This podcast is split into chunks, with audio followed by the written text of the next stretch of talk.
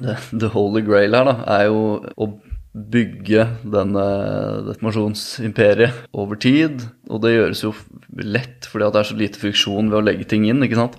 Så det blir, det blir jo ikke noe hassle, for at du slipper å tenke på alle disse mappene og taggene og dritt og lort. Og så vil jo da hele verdien av dette egentlig stige eksponentielt over tid. ikke sant? For Du kan jo bare tenke deg hvis du satt her i dag og hadde disse siste ti årene med læring tilgjengelig kontekst med ett et klikk.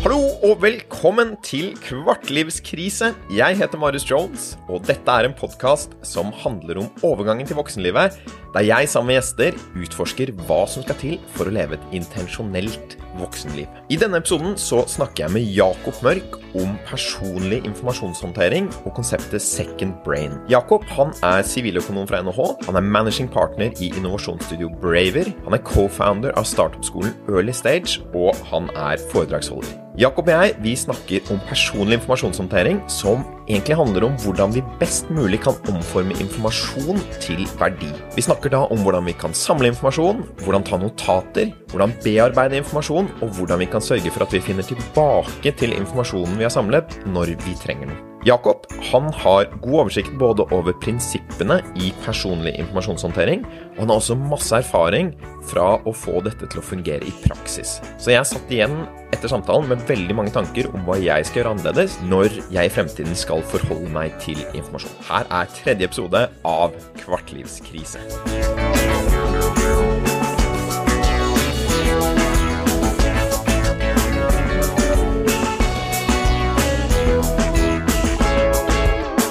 Vi, vi skal snakke om sånn personlig informasjonshåndtering, eller PIM, eller second brain. Eh, og jeg syns jo det, det er egentlig litt sånn kjedelig ord.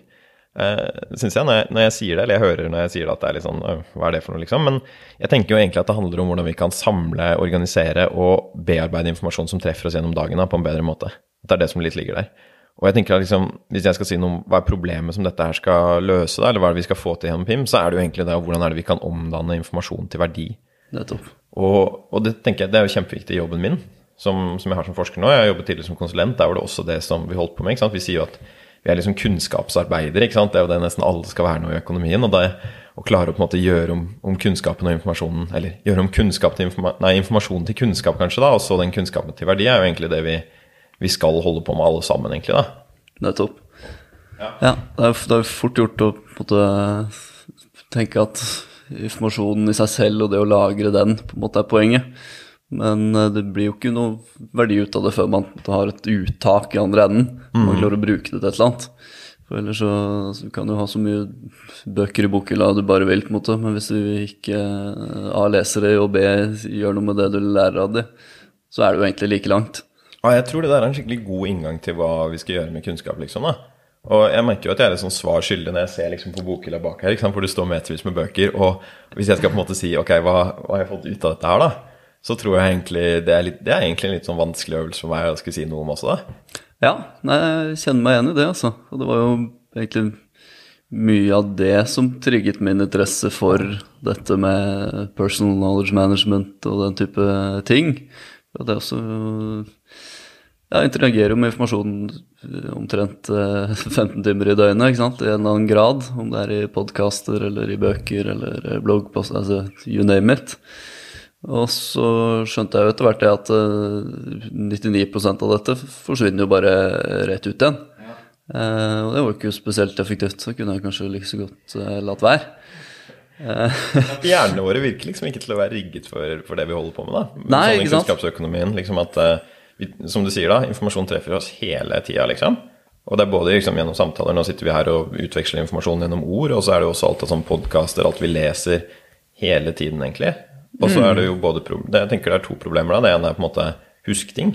Og det andre er liksom ta det frem når du trenger det. da. Det, ja, jeg syns ikke det er Det er i hvert fall ikke noe hodet mitt får til alene. da. Det gir jo mening evolusjonært. ikke sant? Jeg har jo aldri egentlig hatt noe behov for å lagre masse info om abstrakte temaer oppi skallen. Mm -hmm. Det har liksom primært handlet om å komme seg unna farer og passe på å få noe avkom på et eller annet tidspunkt.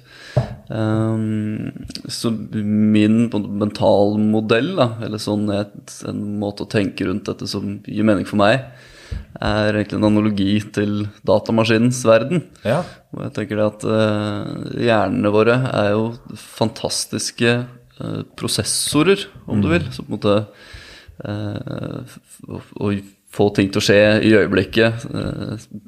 skape action, få en muskel til å flytte seg, få oss til å agere, rett og slett, mm. i, i sanntid. Men hjernen er også en ganske dårlig harddisk. Mm. I hvert fall for liksom langtidslagring da, av info. Uh, man snakker om at man kan typisk holde mellom fem og ni informasjonsbiter i skallen på ett og samme tidspunkt. Og går du utover det, så bare glir alt ut i en grøt. Ja, det er fantastisk lite. Hvis ja, man tenker på hvor mye som treffer oss. Det er jo absolutt ingenting. Og så har man jo selvfølgelig en viss langtidshukommelse. Um, men jeg opplever jo ikke at den står i stil til den informasjonsoverloaden som uh, eh, fins i vår tid. da. Mm -hmm. Så Det blir jo litt som å prøve å drikke vann fra en uh, brannhydrant. ikke sant? Det er liksom bare helt sånn Texas. Så da gjelder det å prøve å ja, kanalisere de, de, infostrømmene på en god måte, og så lagre det et eller annet sted. Eh, da fortrinnsvis utenfor ens egen hjerne. Mm. Eh, og så igjen, det er jo veldig bra å få lagre ting, men så må man da også klare å få det frem igjen da, til rett, rett tid og rett sted. Mm. Og det er jo det dette personal knowledge management konseptet i stor grad dreier seg om. da. Ja, det er det å få det ut, egentlig. Ja. Mer enn å få det inn, egentlig. Ja, og de henger jo veldig sammen, da, selvfølgelig. Mm. Um, ja, Så hvordan man da kan bruke uh, teknologi av ymse karakter for å få til det, da. Mm. Og det har man jo Man har jo holdt på med en grad av det siden man uh, oppfant alfabetet, egentlig. Om ja. det var å Eller kanskje til og med før det. Tegne ja, for jeg tenker papirhusruller og sånne ting. Da. Ja, det er jo på en måte personal knowledge management. Ja, absolutt. At du skriver ned noen hieroglyfer, liksom. For at du ikke klarer å huske alt. Skrive ting ned enten for seg selv i fremtiden eller for neste generasjon som skal se tegningene på veggen om hvordan man uh, fanger en hjort eller whatever. Og så har det utviklet seg. Da, ikke sant? Så man har fått uh, bøker, og man har fått biblioteker osv. Og, så og så har det selvfølgelig skjedd et megaradikalt skifte når man har gått over fra papir og fysiske artefakter til bits og det digitale. ikke sant? Hvor det mm. plutselig det er plutselig ingen begrensninger. Det er plutselig ingen permer du må forholde deg til og samle innholdet mellom. Det er mm. ingen uh, begrensninger på hylleplass i biblioteket ditt. Altså, det er bare fullstendig unlimited. da. Og det kommer jo med oppsider, selvfølgelig. Det er jo fantastiske muligheter som ligger i det. Mm. Så kommer du med noen åpenbare nedsider. Ja. Eh, ref. Eh, drikke fra brannhydranten. og særlig da sikkert på den retention-delen også.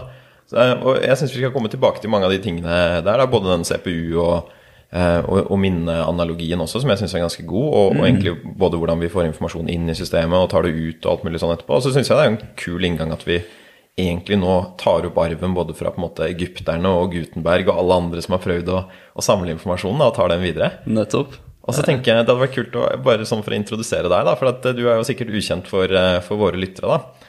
Eh, Jakob Mørk. That's me. Det er helt riktig. Ja, og du har jo egentlig veldig sånn Jeg prøvde å stalke deg litt nå før du kom her. Ja. Du har jo, Det er ganske mye egentlig kult på CV-en til en 27-åring. Ja. Det, ja, det begynner jo å bli noen artige prosjekter etter hvert. altså. Jeg fant deg, Du står som medgründer av startup-skolen Early Stage, foredragsholder, eh, managing partner i Uromaker AS og også amatørfotograf, sa jeg.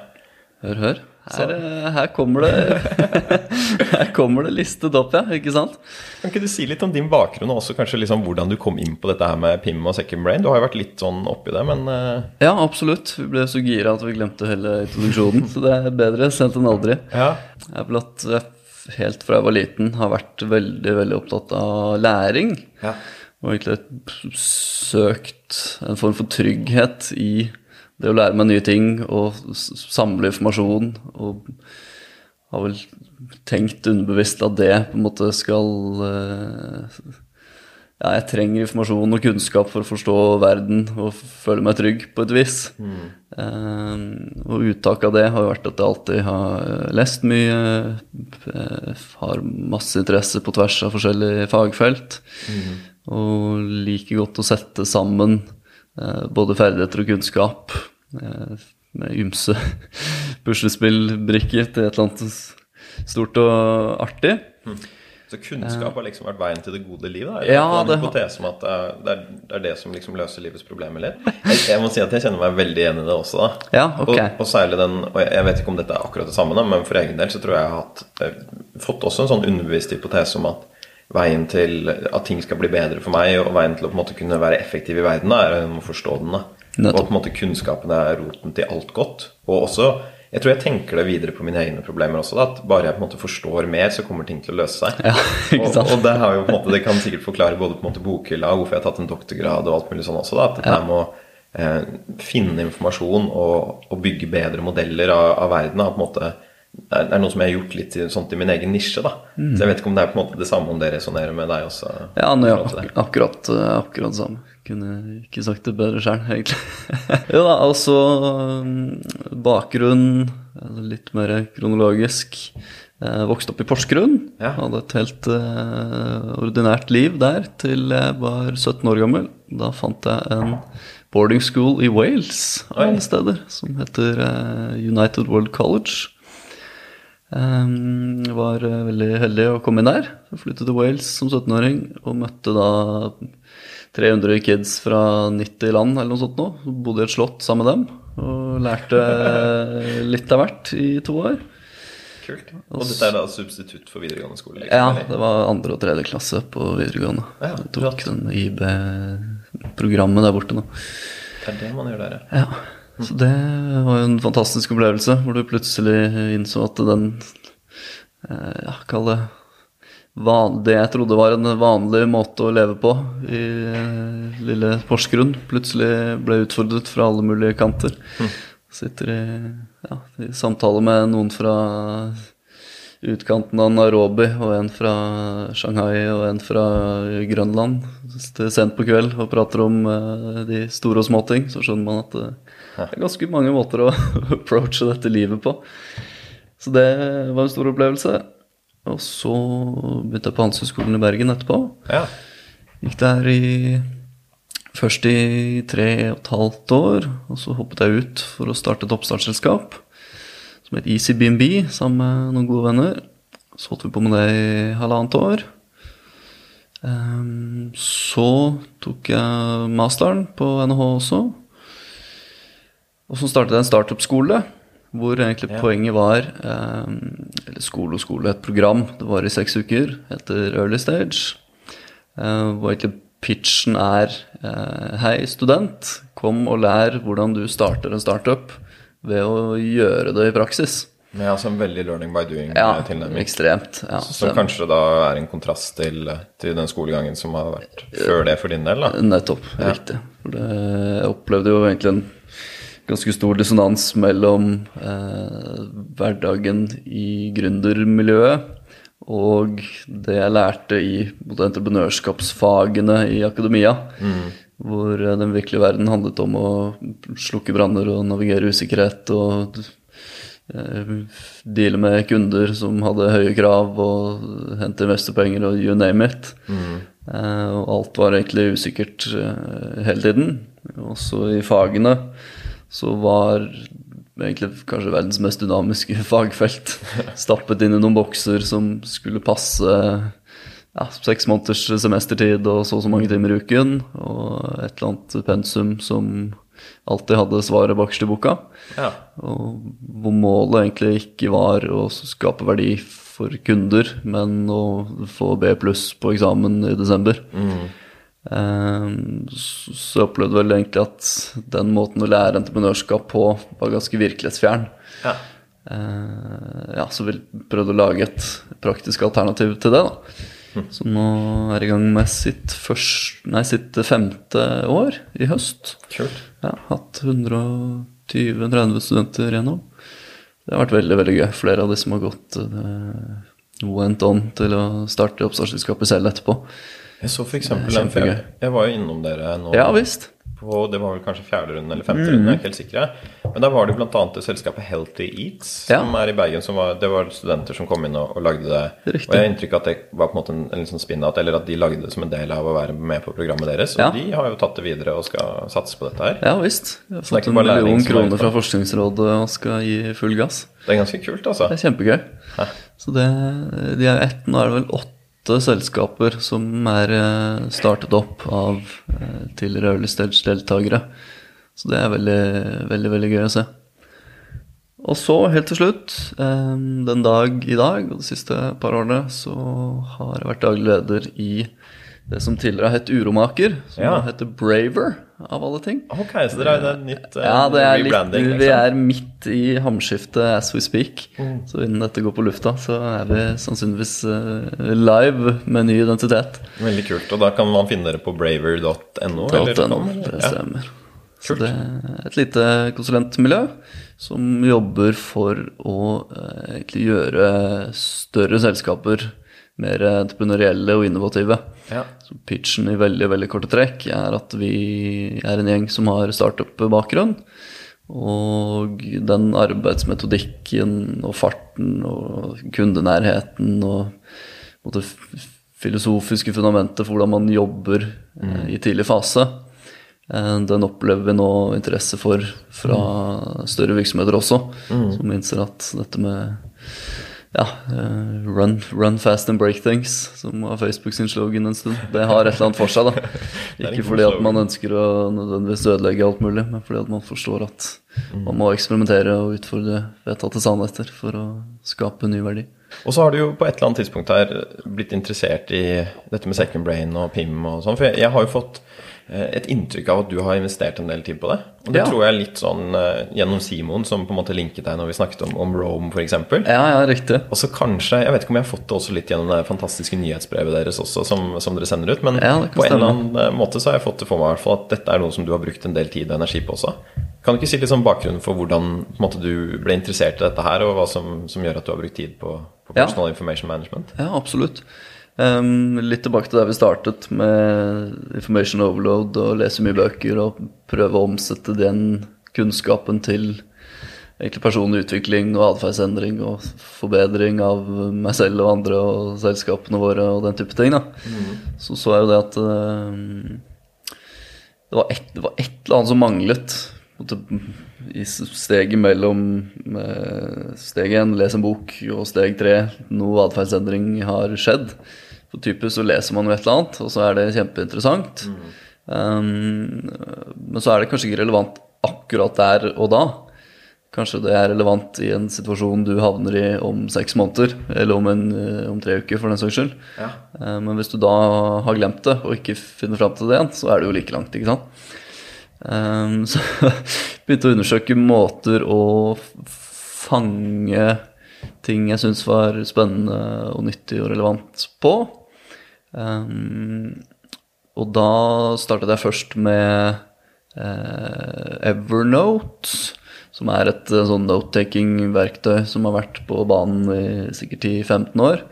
Veldig, veldig stort. Egentlig organisert med at du har notebooks, og så legger du notater inni der, og inni de notatene så kan du da ha tekst og bilder og linker og you name it. Eh, Helt standard programvare, egentlig.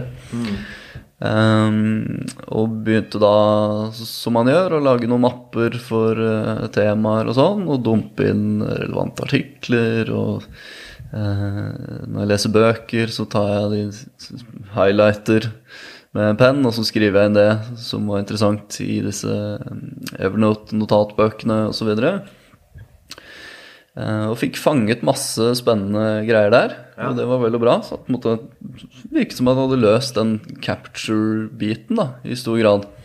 For da ser du at det piler seg opp, og så plutselig har du masse greier i Evernote. sikkert da. Masse greier. Fra alle steder. Og, Nettopp. og det er der. Og det, det kjenner jeg meg igjen at det er jo en, en god følelse. Ja, ja, ikke sant? Jeg føler altså Hvis jeg har notert det ned, så er det på en måte det, det er det ikke inni mitt minne, men det er på en måte i mitt sånn eh, utvidede minne. på en måte da, At Ikke sant? Evernoten kan bli på en måte en sånn forlengelse av seg selv der. i. Ja, så da kan man jo kjenne på trygghet og at eh, ok, nå har jeg, har jeg på en måte dette med meg videre, da. Så det var jo veldig bra. Um, men så gikk det jo ikke lang tid før jeg innså at det, det, igjen, det aller, aller meste som havnet i Evernote, det kom jo aldri derfra og tilbake igjen til meg. Det ble jo liggende der nede i hvelvet, ikke sant. Ja, det var jo mye styr, da, for hvis jeg faktisk skulle finne et eller annet, så måtte jeg inn og søke, og så husket jeg ikke helt hva jeg skulle søke på. Skulle jeg søke på tema eller på et ord? Eller skulle jeg inn og grave i mappene, og så var det mapper inni mapper inni mapper, og så lå dette til Hvor var det egentlig jeg la dette? La jeg det under eh, mappen ledelse, eller mappen psykologi, eller mappen mentalmodell? Altså, Så det ble egentlig Jeg brukte, brukte vel mer tid på å prøve å strukturere informasjonen opp på en fornuftig måte, i mapper og tags og keywords og tjo og hei, enn jeg faktisk brukte på å få noe verdi ut av det. Um, og det var litt kontraproduktivt, forsto jeg. Så det var på en måte første iterasjon. Og så tenkte jeg at uh, ok, la meg prøve et nytt, nytt system, da. Og da kom jeg over noe som heter Notion, som er et helt, helt fantastisk verktøy. Som um, eh, du finner det på notion.so. Og det, den beste måten å tenke på det på er egentlig som en intern eh, Wikipedia, enten for et team eller for en person.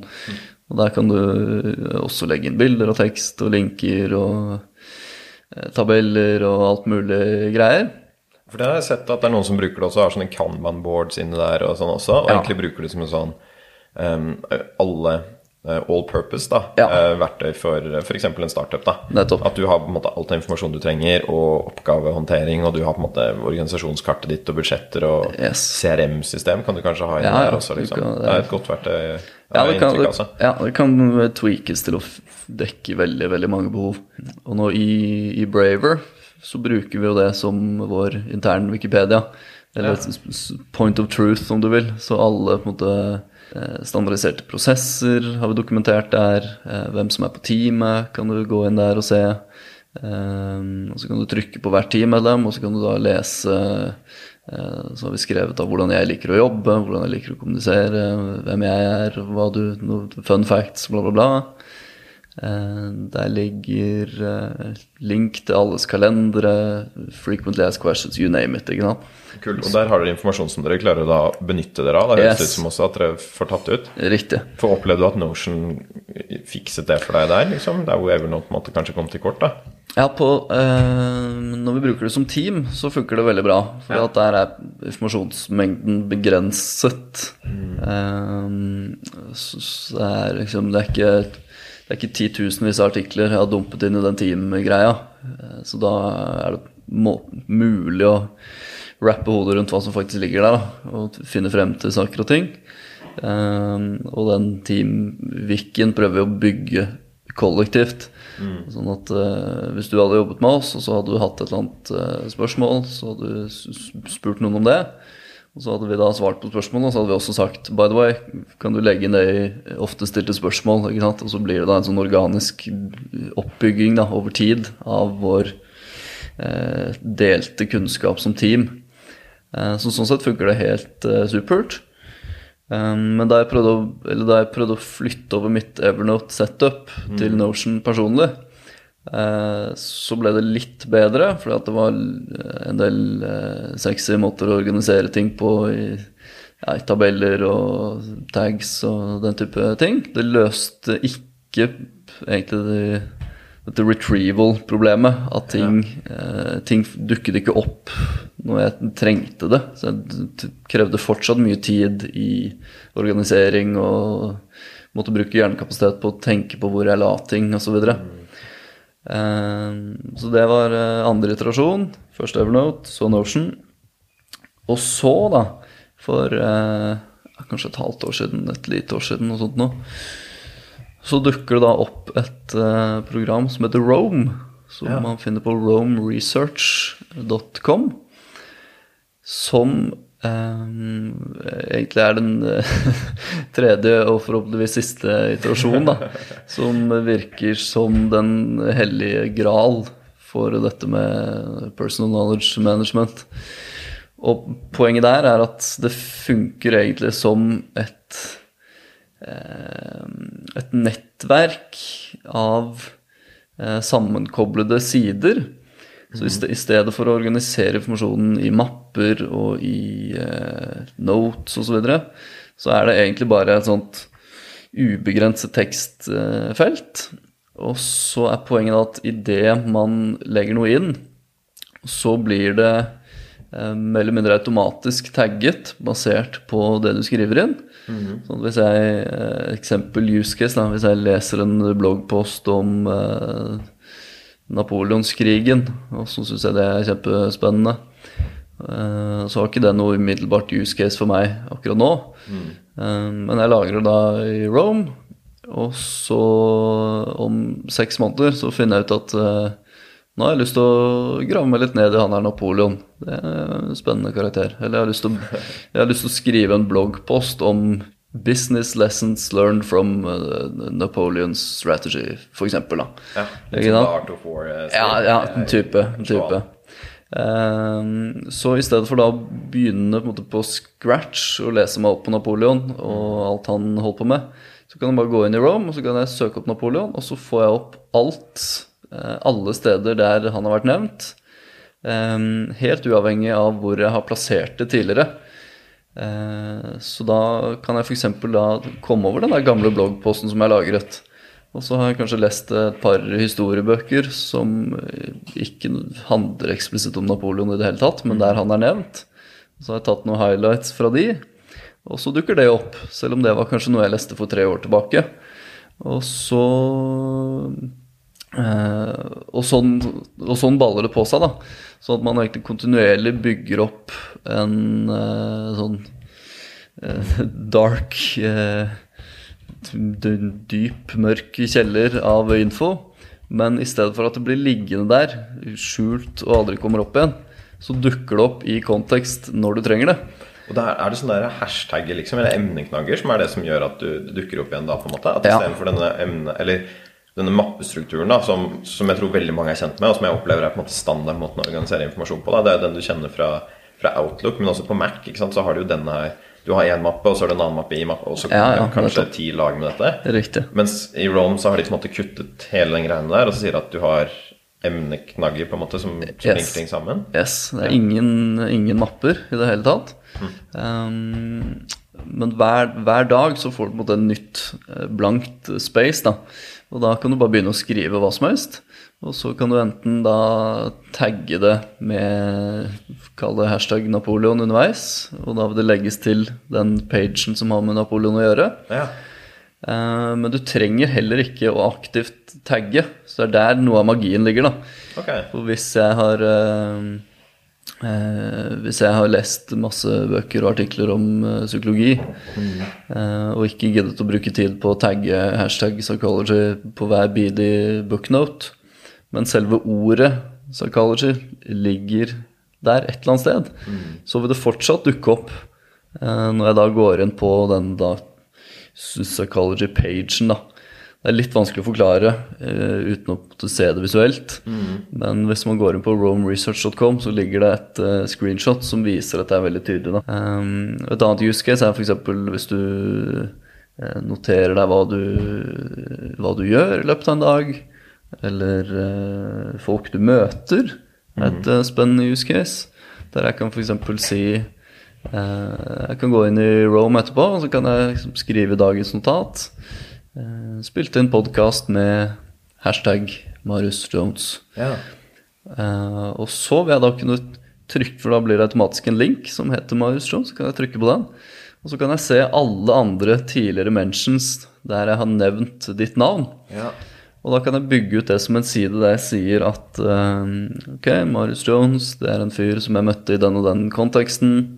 Uh, dette er kontaktinformasjonen hans. Uh, han har disse og disse interessene. Uh, I dag på denne datoen så spilte vi inn en podkast. Og så kan jeg se da historisk logg også. ikke sant? Så hvis jeg forrige gang jeg møtte deg, hadde skrevet at i dag tok jeg en kaffe med Marius Jones. Vi snakket om personlighetstyper. Vi snakket om emosjonell intelligens. Mm. Og han delte noen perspektiver om ABC. Ikke sant? Og så da, før jeg kommer hit da, i dag, så vil det være naturlig da å gå inn og ja, trykke på Marius Jones, da. Så kan, Vips, så får jeg hele konteksten eh, som har bygget vår relasjon tidligere. Og da i stedet for å måtte huske på hva, hva vi snakket om forrige gang, eller vi, hvordan vi møttes, eller hvilke fellesinteresser vi har, så bare vips, så dukker det opp. Og så kan jeg gå inn her og så kan jeg plukke opp en tråd som vi hadde gående sist, f.eks. Mm. Og der da, høres det ut som det endelig begynner å fungere litt som en utvidelse av din egen hjerne også. da. Nettopp. Når det ikke er graving som skal til for å finne informasjonen du trenger, men at du på en måte ved noen sånne små klikk kan på en måte finne ut Eller komme akkurat dit du skal. da. Ikke sant. For jeg ser for meg Når det blir så spesifikt som f.eks. En, en egen side for Marius Jones, da du skulle hatt dette i en mappestruktur, så hadde jo den kanskje blitt liggende under på en måte informasjon, personer Eh, folk i teamet mitt, folk utenfor nettverk, altså disse undermappene. Nettopp. Og så Du må nesten ned på lag nummer seks eller sju hvis du i det hele tatt skal klare å ha noe oversikt over det. Riktig. Og da når du også det problemet som du setter ord på, at hvis du da setter noe i Marius Jones-mappen, så ligger det bare der, eller så kan du eventuelt kopiere det og legge det kanskje i personlig utvikling eller personlighetstype-mappen og sånn også, da, men da har du to separate dokumenter som egentlig ikke snakker med hverandre også. Da, som gjør det, det fullstendig kaos, ikke sant. Så da, I dette tilfellet her da, så vil jo da ett og samme tekst, en og samme setning eh, Jeg snakket med Marius om uh, psykologi. Mm. Vil da dukke opp både under Marius-pagen og under psykologi-pagen. Mm. Og da, vips, så fort jeg da skal, ha noe uttak som handler om psykologi, f.eks., så får jeg da opp Å ja, det der perspektivet til Marius, det var interessant. Kanskje jeg skal bake inn dette i denne bloggposten jeg holder på med. Og jeg synes Rome høres jo helt genialt ut. Og så tenker jeg det er sånn eh, Vi må bruke litt mer tid på å snakke om Rome også. Og så syns jeg det er veldig spennende med på en måte dette her prinsippet om, om, hva en second brain skal gjøre for deg. da. Mm. Og her, sånn som, sånn som, jeg opplever det nå, så høres det ut som det store problemet som en second brain skal løse, er at de, den informasjonen du har lagret tidligere, treffer deg når du trenger det. Og når du i tillegg klarer å kombinere dette her med sånn hyppig lagring av informasjon, eller at du på en måte reflekterer og dytter ting inn i systemet, så blir jo på en måte slutten på dette her, eller hvis du, får det til å, hvis du mestrer dette her, så er det jo at alle tidligere erfaringer du har gjort deg, og alt du har lært, kommer tilbake til deg akkurat når du skal bruke den type kunnskap. Da. Og jeg, jeg må bare merke når jeg snakker om det, det høres sånn det høres så deilig ut. Ja. og, og sånn der, Hvis jeg skulle sette meg ned nå da, for eksempel, og si at eh, ok, si at jeg er ferdig med doktorgraden min, og jeg skal inn og være leder for en virksomhet. Da må jeg på en måte prøve å finne ut ok, hvordan, hvordan skal jeg forholde meg til det, og hvordan skal jeg være som leder. Og nå har jeg på en måte hatt, jeg har hatt en del lederverv der jeg har gjort meg noen erfaringer. Eh, jeg gikk befalsskolen i Forsvaret. Der hadde jeg sikkert masse kurs og alt mulig sånn, hvor jeg lærte noen ting. og sånn også. Jeg har sikkert fått en haug av tilbakemeldinger. Og så har jeg tatt en del kurs nå på Norges handelshøyskole i forbindelse med doktorgraden. Her er det masse greier som jeg kunne brukt da inn mot, inn mot akkurat det. Og så vet jeg at hvis den situasjonen hadde skjedd, så hadde jeg sannsynligvis satt meg ned, åpnet en Google Chrome-fane og skrevet 'Hvordan skal man være leder?' At jeg hadde begynt helt sånn på scratch der også. Så det høres jo helt sånn fantastisk ut hvis på en måte jeg bare kan klikke meg inn på dette med, med ledelse og faktisk få en rekke av alle disse erfaringene som man har gjort seg tidligere. da.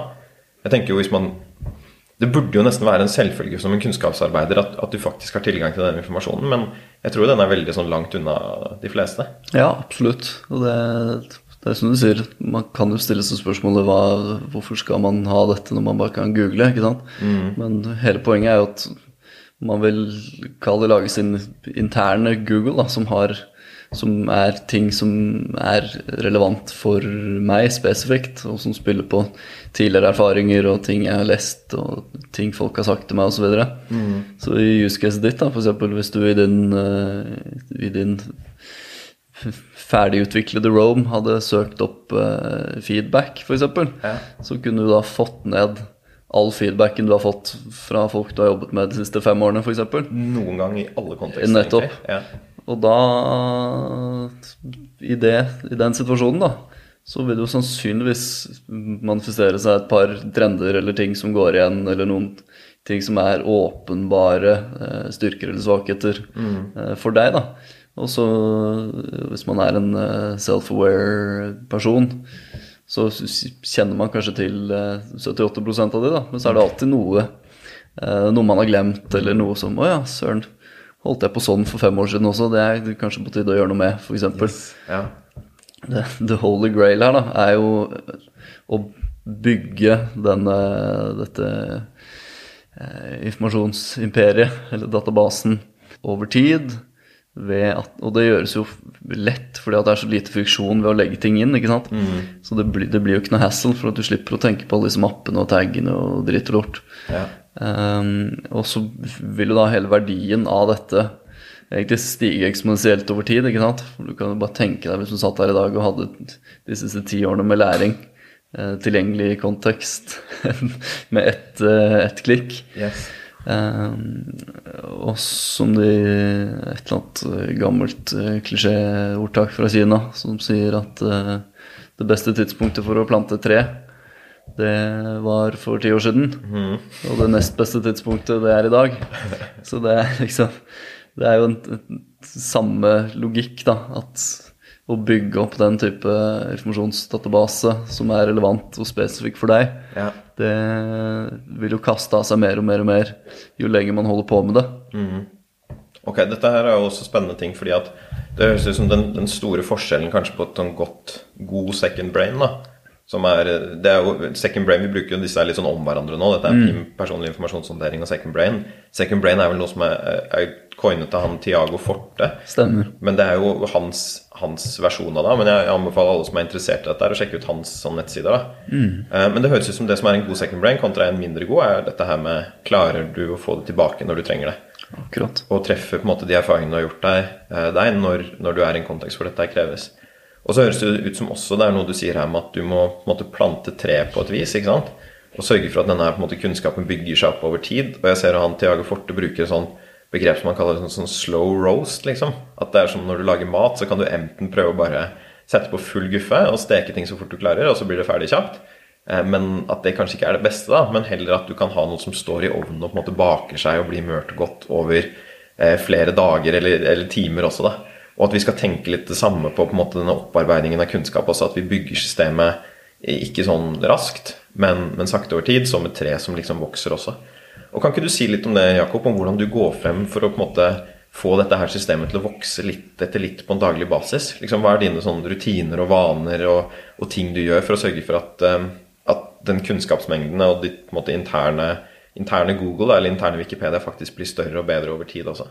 Sånn jeg jobber i dag, er at eh, jeg har Rome åpent eh, på Mac-en omtrent eh, konstant. Ja.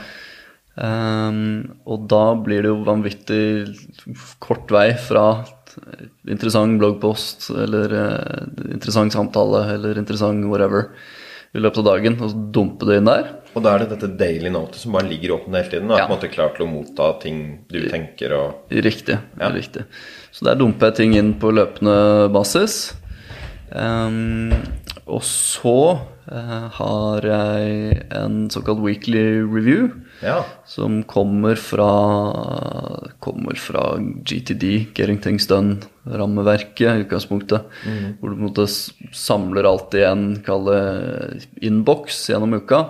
Og så på et eller annet tidspunkt så må du gå gjennom der og se hva det faktisk er som ligger der. ikke sant? Om det er noe du må gjøre noe med, eller om det er noe du må kategorisere eller rydde opp eller fjerne, eller noe som har blitt irrelevant, eller whatever.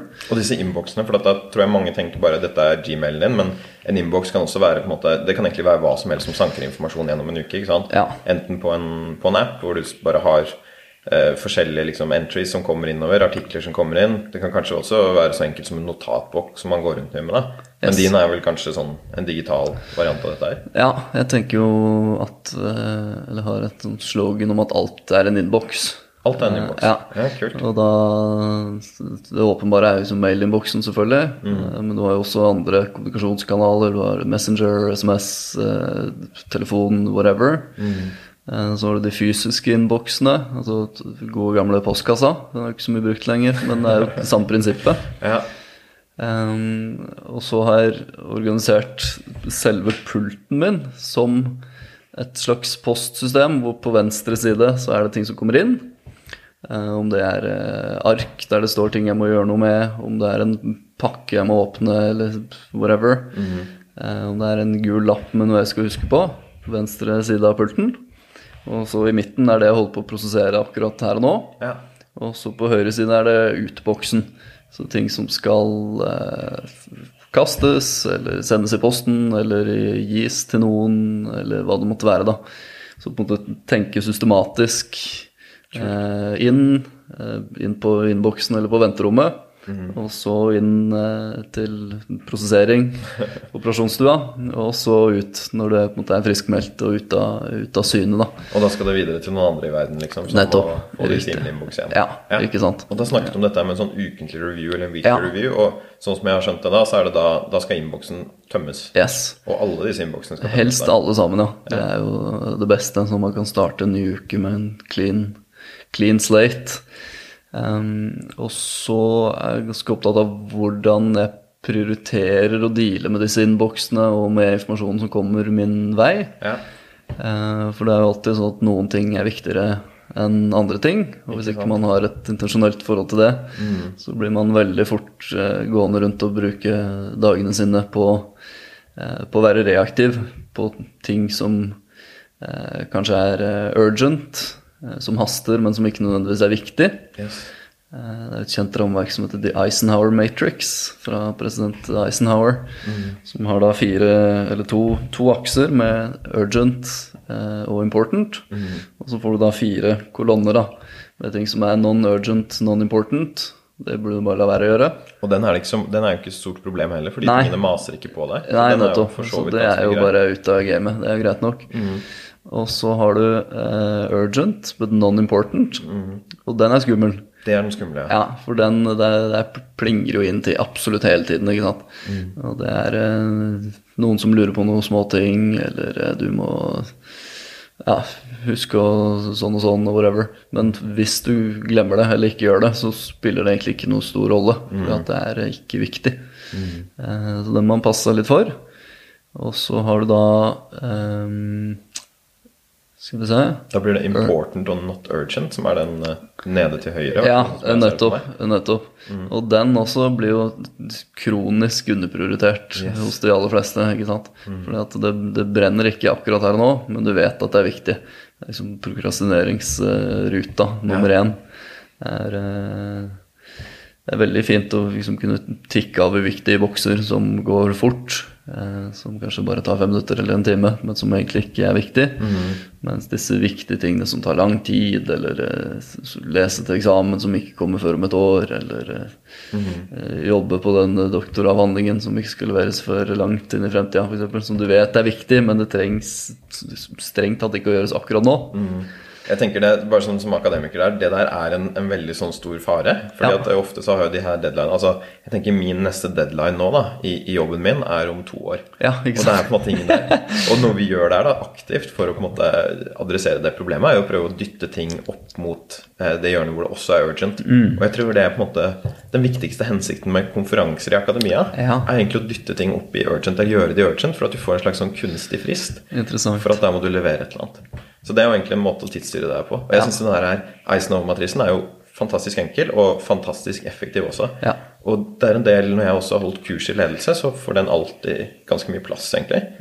Eh, Hvor budskapet er at å være en bevisst leder da, handler i stor grad om å flytte seg fra den boksen som er urgent, men non-important, og heller bruke tid på det som er not urgent, men important. Nettopp. F.eks. det med å utvikle medarbeiderne sine. Riktig. Det kommer aldri til å være en sånn ting som du må gjøre i morgen. Det kommer aldri til å komme og mase på deg. Men hvis du på en måte har et litt langsiktig perspektiv, så er det kanskje det viktigste du holder på med. Og, og det å klare å på en måte rydde nok plass til å ta bevisste valg, sånn at du kommer deg ned til den boksen der, tror jeg er helt sånn kritisk for det. altså. Og da tror jeg du må ha kontroll over innboksene dine, da, som du sier. Ja, ikke sant? Riktig. Um, ja, så Weekly Review handler om å cleare samtlige innbokser.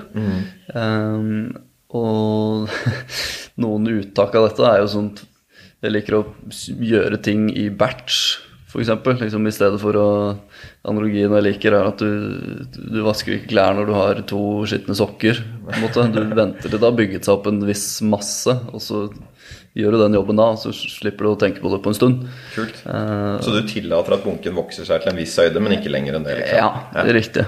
Uh, og det kan jo spille seg ut i at hvis jeg får jo masse mailer som ikke nødvendigvis trengs som svares på akkurat nå, Ja. da har jeg en funksjon i mailprogrammet mitt som heter uh, snus. Ja. Og da bare trykker jeg på den, og så har jeg da definert eh, har definerte tidspunkter, da, men en av de punktene heter da eh, Grunt Friday. Eh, og da bare snuser jeg mailene til Grunt Friday, og så har jeg da satt av to timer, to-tre timer på fredager til å liksom ta unna alt sånn derre småplukk som ikke krever at eh, jeg bruker tid og energi på det i sanntid idet det kommer inn. Jeg er også veldig opptatt av å beskytte mitt eget fokus og min egen eh, attention. Jeg tror det er veldig, veldig, veldig fort gjort å bruke hele dagen på å være reaktiv overfor andres agenda. Og det andre vil at du skal gjøre akkurat nå. Eh, og da er man jo umiddelbart oppe i urgent, non-important-boksen. ikke sant? Ja. Hvor du, så fort det kommer inn en notification på telefonen eller en mail, så slutter du med det du egentlig holder på med, og så skal du bare svare på den. Eh, og så er det jo en kjent sak at ok, det tar deg kanskje bare 30 sekunder å svare på denne meldingen. Men problemet er at det tar deg et eller annet sted mellom eh, 30 og 60 minutter å komme tilbake i flytsonen på et samme kontekstnivå som der du var, da. Spesielt hvis du holder på med eh, komplekse oppgaver. Så det å intensjonelt blokke andres tilgang til meg og min tid er jeg veldig opptatt av. Så jeg går stort sett rundt med do not disturb på telefonen sikkert 90 av tiden. Ja. Det samme på Mac-en. Ingen notifications, mm. ingenting. Um, så folk som ikke kjenner meg godt, blir jo litt irritert hvis ikke jeg svarer eh, umiddelbart, fordi det gjør jeg aldri. Liksom, tar, tar unna Messenger-innboksen uh, en gang om dagen, eller hva det måtte være. Ja.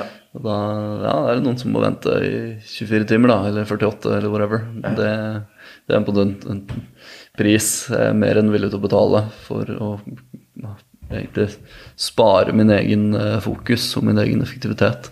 Og så høres det ut som at du svarer jo allikevel, og at en sånn weekly review jo, har jo nettopp den funksjonen at selv om du ikke får, får disse plingene, så har du på en måte en, en fast rituale da, hvor du faktisk går gjennom og tømmer dette her og får det gjort også. Nettopp. Og da, når du sitter da med weekly reviewen, er det da ting flyttes på en måte fra innboksen og inn i Rome-systemet også da?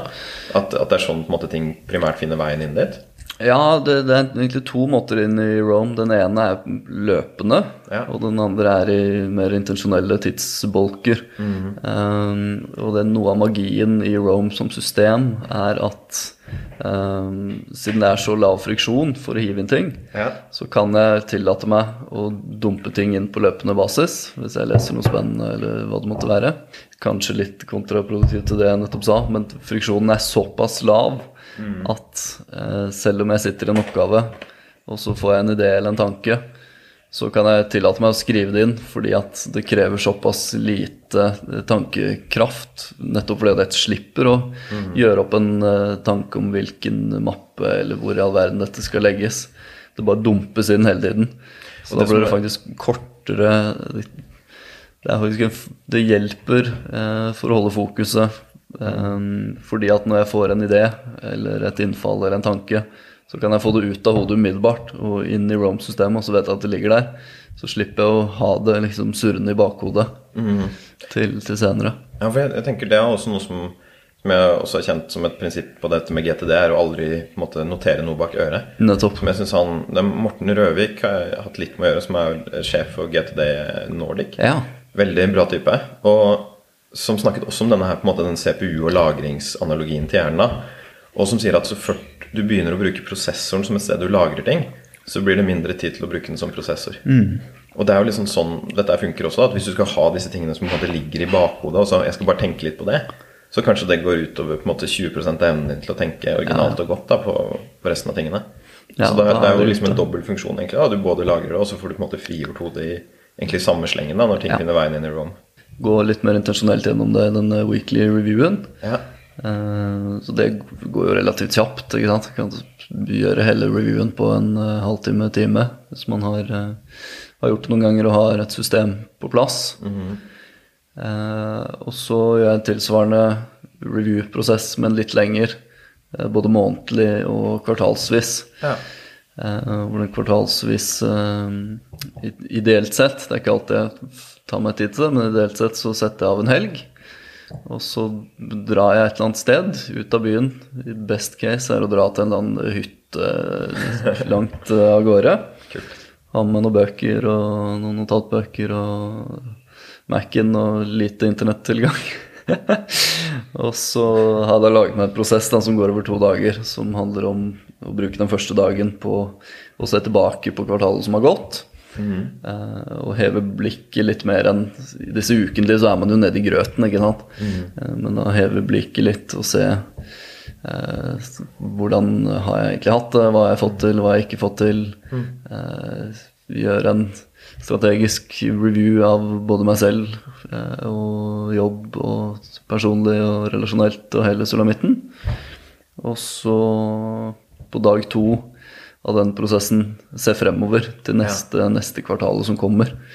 Så jeg opplever at eh, 90 dagers, en sånn kvartalsvis eh, periode, er akkurat lang nok til Det er nok tid til at man kan få utrettet eh, en del ting, hvis man har fokus og en grad av effektivitet. Eh, men det er ikke så langt inn i fremtiden at det på en måte er helt eh, helt diffust og helt umulig å relatere til. For jeg har tidligere eksperimentert med mål og planer og whatever for eh, ja, et år frem i tid, to og femårsplaner for den saks skyld. ikke sant?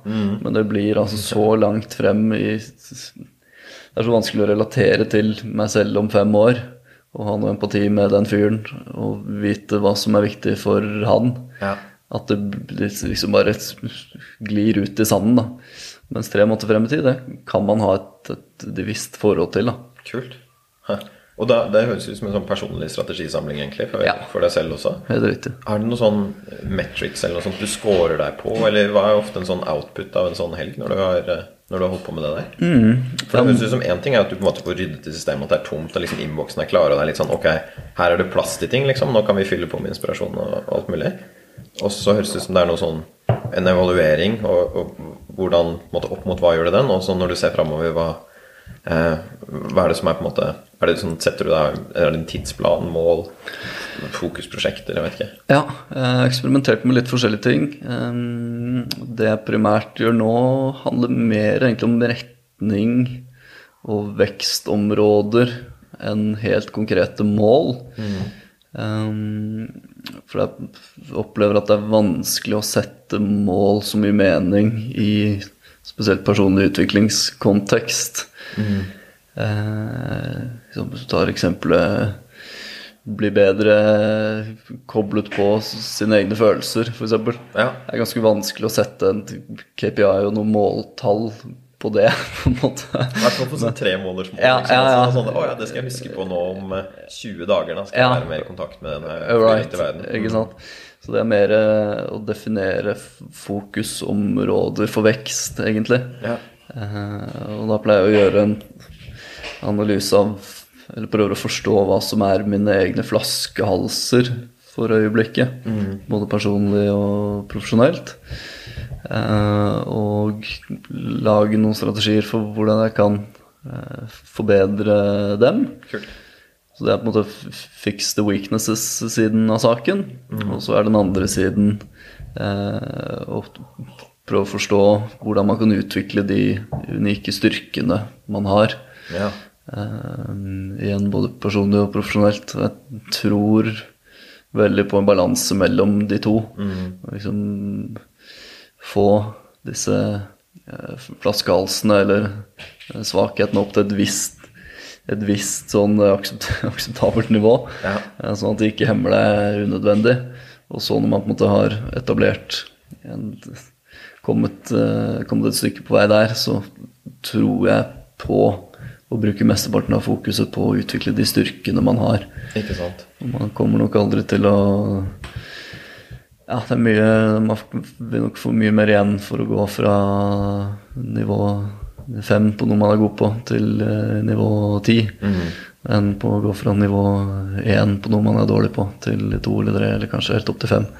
Særlig sånn skalerbar økonomi hvor, hvor det er rom for spesialisering. At hvis du er på en måte den, den beste på et eller annet, så, så kan du ha en, en vanvittig markedsandel. Yes. Mens hvis du er på en måte sånn tredje eller fjerde, så, så blir det en veldig liten del av det. liksom. Mm. Altså hvis for eksempel, da, sånn som For å ta analogien til Rome, da, hvis det er det beste verktøyet for informasjonshåndtering, så kan jo egentlig på en måte både Trello og Eller kanskje ikke Trello, det er en annen kategori, men, men sånn som Notion og Evernote egentlig ta seg en bolle. For, det, for det, man, alle kan bruke Rome hvis man vil det. Riktig. Og sånn tror jeg det er litt sånn med egne, Ja. eh, egne ting også. Winner takes all-dynamikk. Er det Der noe du samler gjennom måte eh, perioden som leder frem mot en sånn samling i, i Rome eller andre steder som på en måte hjelper deg med den prosessen? Ja, jeg vet ikke, tilbakemeldinger f.eks.? Ja. Um, I Rome igjen, siden det er så lett å så tagge ting uh, idet man skriver ting inn, så har jeg for enhver sånn uh, både quarterly og monthly review-prosess, så har jeg en tag som da heter uh, hashtag review eh, June 2020, eller whatever. Og så hvis jeg nå i dag finner ut at dette her må jeg huske på når denne måneden er ferdig, og se tilbake på, så bare tagger jeg det med det. Og da dukker det opp, da, ikke sant, når jeg sitter der. Ok, ja, kult. Og tilsvarende med quarterly, ikke sant. Det der høres digg ut, ja. Ja, det den, den slår bra, meg altså. ofte Altså, Jeg har et sånt ritual som er det halvårlig, Ja. så kanskje jeg må på en måte ha det litt raskere også. Men da er det det samme. Jeg setter meg ned med Det er to ting. Det er både Jeg, jeg lager sånn OKRs for mm. doktoravhandlingen min. Ja, og, jeg, og jeg har en ukentlig review. Jeg går inn og ser er jeg på track, liksom. Ja. Men jeg justerer ikke målene så mye. Jeg gjør det av og til hvis jeg ser at noe popper opp. Men halvårlig så går jeg inn og ser ok, hvordan gikk dette egentlig? Og uh, hva er det jeg skal ta med meg til neste, uh, neste halvår? Og, og hva er det som jeg skal gjøre utover dette her? da, setter de nye på en måte, satsingene for hvert område. Og så gjør jeg det også personlig på, på fem verdier som jeg tenker at dette er det viktige for meg. Hvis, hvis jeg på en måte er on track på disse fem områdene, så har jeg et godt liv. Ja. Og veldig ofte så får jeg den opplevelsen av at det skjer et eller annet som jeg tenker Oi, dette må jeg ha med meg inn i neste periode. Og da, der merker jeg at det systemet jeg har, er litt tungvint. For da må jeg på en måte inn i den mappen eh, hvor, hvor det blir et dokument som, som på en måte fyller seg opp der òg. Men det ligger i en mappestruktur, så det tar litt for lang tid å komme inn der også. Ja, ja. Så det er vanskelig å koble det inn. Og så tenker man ofte at det er man på en måte ferdig med. I hvert fall tenker jeg det når jeg sitter i den der quarterly review-prosessen. Så har jeg egentlig I hvert fall i starten så prøver jeg å la være å se på hva jeg skrev forrige gang, for å få et unbiased uh, tilbakeblikk. da. Og så etter at jeg har skrevet ned min analyse, eller uh, hva jeg tenker om det siste kvartalet, så går jeg tilbake og avsjekker med hva var det egentlig jeg planla. Okay. Eller hva var det egentlig jeg så for meg at uh, kunne bli gode utfall her. da. Kult. Og hvis det er liksom fundamental mismatch, så skjønner jeg at det- her har det jo her har det skjedd et eller annet. Og så kan jo ting skje at man kan endre kurs intensjonelt, men i de fleste tilfeller så vil det da skje at man har uh, ja, gjort noe reaktivt eller eh, falt av, eller hva det måtte være. da. Ja. Ok. Og det der høres utrolig nyttig ut sånn, for, hvert fall for veien framover ha, å slippe å starte sånn Ok, hva skal jeg gjøre nå? Men at du har alle de notatene som, Ja. som følger deg derfra. Nettopp. Og så har jeg også da et template for den prosessen jeg har laget for meg selv. Ja. Eh, Så da ligger det en eh, shortcut i noe som heter eh, Alfred på Mac-en. Som er et eh, sånn software som kan egentlig gjøre veldig mye forskjellig, men det jeg primært bruker det til, er eh, det som kalles snippets, eller text expansion. Som egentlig vil si at du kan lage dine egne shortcuts. ja. Eh, Så vil si at i mitt tilfelle da, så kan jeg da, når jeg setter meg ned med review-prosessen, så kan jeg skrive inn min shortcut, som da er eh, semikolon eh, Q for quarterly, altså review. Hvis jeg bare skriver da semikolon Q review, så erstattes det jeg nettopp skrev, med eh, masse linjer med tekst som jeg har definert tidligere. Ja. Som da er hele mitt templet da, for den prosessen. Og da kan jeg bare begynne å fylle inn direkte. Så da er det bare å punche den inn, og så er jeg i gang, da. Og da har jeg stegvis hva jeg skal tenke på, hva jeg skal gjøre. Så har jeg et par tekster som jeg leser hver gang, som setter livet i litt større Ah, ja, eh, perspektiv. Husker du hva noen av de tekstene heter? Ja Um, Jeg leser noen utdrag fra uh, Man's Search for Meaning Ja. av Victor Frankl. Den har jeg hørt anbefalt så mange Ja, ganger. altså. absolutt alle. Det er helt vilt. Det er altså en fyr som eh, havnet i konsentrasjonsleir under annen verdenskrig. Eh, psykolog. Jeg lurer på om han ble psykolog etter at han kom ut. Det er jeg ikke helt sikker på.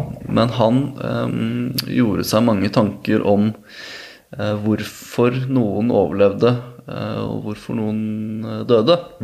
Og så var det selvfølgelig masse masse tilfeldigheter og jævelskap som tok livet av de, de aller fleste, da. Men det han merket seg, var at eh, et fellestrekk for veldig mange av de som overlevde, var at de klarte å koble den eh, den helt forjævlige opplevelsen de gikk gjennom der og da, til et eller annet større. Til, de klarte å finne en eller annen grunn til å holde seg i live, da, som de kunne holde fast ved. Og for noen av dem var det å komme tilbake og holde sin familiearv gående. og Få barn og eh, dytte familien videre og bygge opp samfunnet igjen.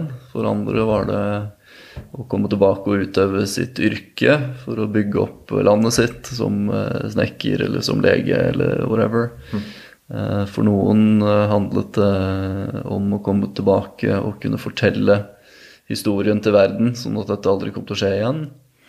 Så det var Folk hadde ulike eh, ting de koblet seg på, men veldig mange hadde en eller annen indre drive da, som holdt som holdt flammen eh, i gang, selv om det var eh, så tungt og forferdelig som det var mulig å ha det, egentlig. Det er jo en ekstrem Det er jo et sinnssykt eksempel også. Ja, Hvis Folk klarer å finne mening Ja. og på en måte tilskrive en sånn Ok, det er en, en slags sånn silver lining også ved dette her, da. Dette her er noe som kan, kan gjøre at jeg kan kanskje gi et enda større bidrag til verden og sånn Ja. også. Det, det kan, på tross av all jævelskapen, da, så kan det være et eller annet jeg kan bruke her. Riktig. Det er liksom uh, Olympiatoppen i growth mindset. Ah, ekstremt, altså. Ja. Så der uh, har jeg noen tekstutdrag som jeg plukker opp. Og så liker jeg godt en tekst som heter uh, The Long Tail fra bloggen Wait But Why. ja. Som er en fantastisk blogg. Ja, den er helt fantastisk. Og i akkurat denne teksten da, så skisserer han opp et menneskeliv eh, som varer ca. så og så lenge. 80-90 år eller noe sånt nå, hvis man er eh, heldig. Og så setter han den tidsmengden i perspektiv ved å illustrere hvor eh, mange ganger du har igjen å oppleve ulike ting. Ja. Så du, hvis du tenker over hvor mange julaftener du har igjen, f.eks., eller hvor mange eh, sommerferier med familien du har, så er det faktisk ikke så veldig mange. Nei. Eh, Det, det er en skummel tanke, egentlig. Eller Ja. det, det er jo sikkert en, både en skummel og en som vekker litt sånn Oi, shit. um, jeg har ikke all tid i verden, og jeg må faktisk gjøre noe nå. Ja. nettopp. For hvis vi er en ca. 30 år da, og skal leve til vi er 80, så er det en 50 sommerferier igjen. da. Ja, ikke sant? Det er ikke all verden, det, altså. Og hvis foreldrene våre er litt eldre også, så er det enda færre også sammen med de. da. Nettopp.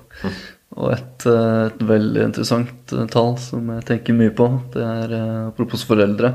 Han sier det at idet eh, gjennomsnittspersonen i Vesten flytter hjemmefra for å begynne å studere, så har man brukt opp eh, sånn roughly 95% av face-to-face-tiden med dine foreldre Shit. som du vil ha gjennom hele livet.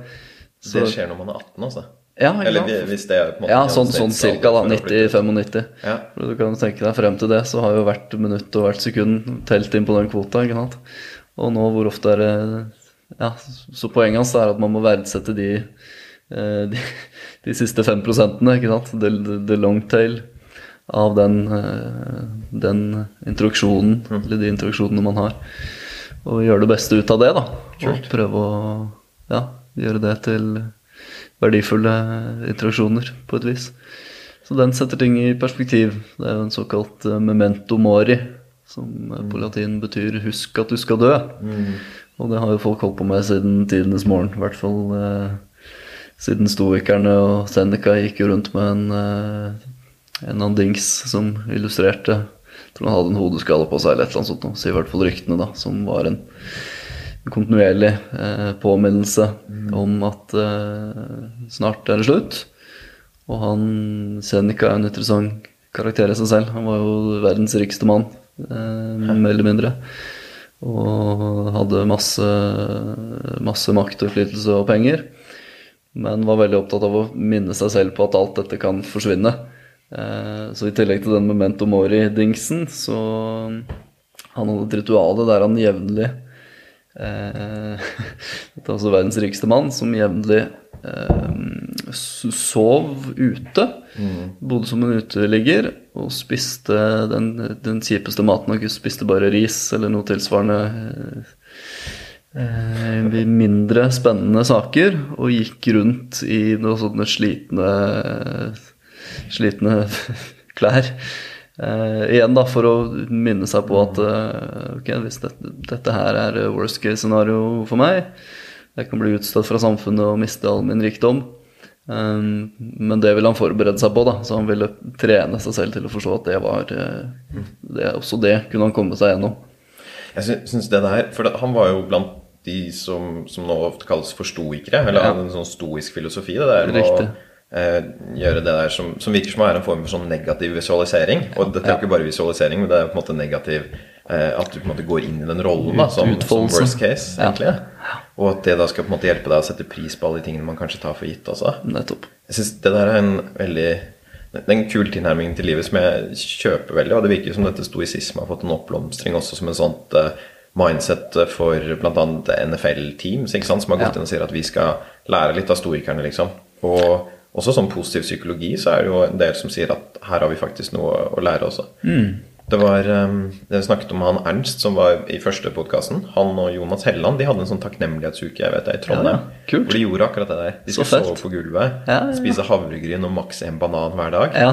Og, og masse sånne der kjipe ting egentlig da for å kjenne em, kontrasten da til, til alt det vi tar for gitt sånn til vanlig også. Jeg kan jo kanskje dra en parallell til Det er jo ikke like ekstremt i det hele tatt, men nordmannens fanatiske forhold til det enkle liv på hytta. Yes. At man ikke Veldig mange som selv i verdens rikeste land absolutt ikke skal ha strøm og vann på hytta.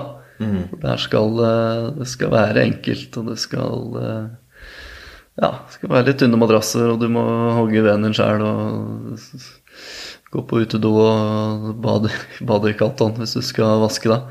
Litt av den samme greia. Mm. Kjenne, Kjenn- kjøper det kjenn- veldig, altså. Kjenne litt på det ukomfortable. Ja. Jeg synes For min del så er mitt sånn daglige stoiske ritual er kalde dusjer. Er Ja, samme her. Helt sånn fantastisk. Ja, det er helt konge. helt. Og det har på en måte en sånn veldig direkte effekt, dette her med at uh, du blir jo jævlig våken av det. Det kan man trygt si. Altså Man trenger jo nesten ikke Jeg, jeg drikker jo kaffe allikevel eh, her som en sånn kaffeaddikt som jeg er blitt, men, men jeg tror det er den som vekker meg om morgenen. Ja, At jeg samme kommer inn her der, også. og kaldt vann, og så er det noe med å på en måte bare sånn jeg, jeg klarer å stå i dette her også, da, og, og kjenne litt på det. Og den kontrasten med å komme ut av dusjen også. Bare sånn Wow, jeg setter pris på å være i en temperatur som er behagelig. Nettopp. Det er ordentlig digg. Så jeg jeg har veldig tro på å gjøre sånne små sånne ting der litt i hverdagen. Ja da, jeg også liker den godt, altså. Det er som du sier, både den fysiologiske og den psykologiske effekten av det. For Yes. det fysiologiske Man har vist at når du sjokker systemet på den måten, så dunkes det ut masse endorfiner og sikkert litt adrenalin og norepinephrine og ymse. En cocktail av eh, eh, godsaker i hjernen som eh, kvikner deg opp. Eh, For sånn flight, fight or flight response. Og så selvfølgelig dette psykologiske egentlig trene viljestyrke-aspektet av det. Og kunne bevise for seg selv at eh, okay, man kan stå i det ukomfortable, bare man bestemmer seg. Er veldig deilig å starte dagen med en seier. Og det Ja, føles ordentlig sånn ut etter en sånn eh, dusjende der. Altså. Ja. Og så synes jeg, Når du beskriver dette nå da, med ditt sånn ritual som du har um, fire ganger i året Og uh, jeg blir jo litt sånn slått av dette her med at du faktisk har med deg ting, sånne her type tekster, da, som faktisk kan være gode mange ganger. For jeg tror det er veldig mange som har lest denne eh, Victor Frankl-boka, den 'Man Search for Meaning', eksempel, og tenkte at det var en spennende bok. Og kanskje også skrevet notater.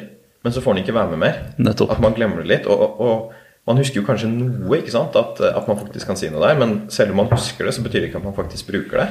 Og, og det høres ut som en veldig sånn god illustrasjon på use case med på en måte Rome eller en second brain også. da, At hver gang du setter deg ned og skal gjøre den her se framover, så har du akkurat den informasjonen som, som er riktig for deg å bruke akkurat her. Sånn at du faktisk får satt den ut i livet også.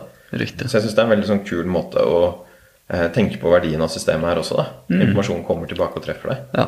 Og i den review-prosessen så er det noen tekster som sagt som jeg har med hver gang. Ja. Men det er jo det bare et fåtall. Det er jo tre-fire, kanskje. Noe sånt noe.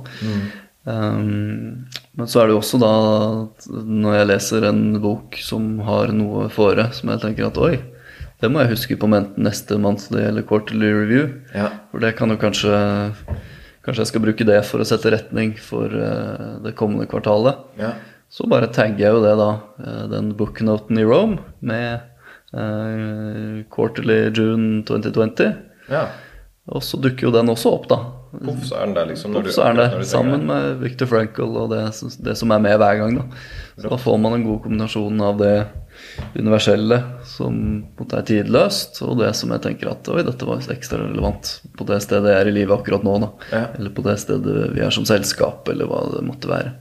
Kanskje metapoenget her ikke egentlig handler om informasjonshåndtering, men om å leve livet på en intensjonell måte. Yes.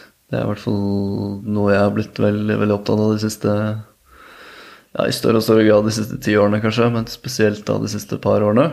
Og alt dette med ja, lære om stoisisme og fange informasjon og eksperimentere med kalde dusjer og andre biohacks osv.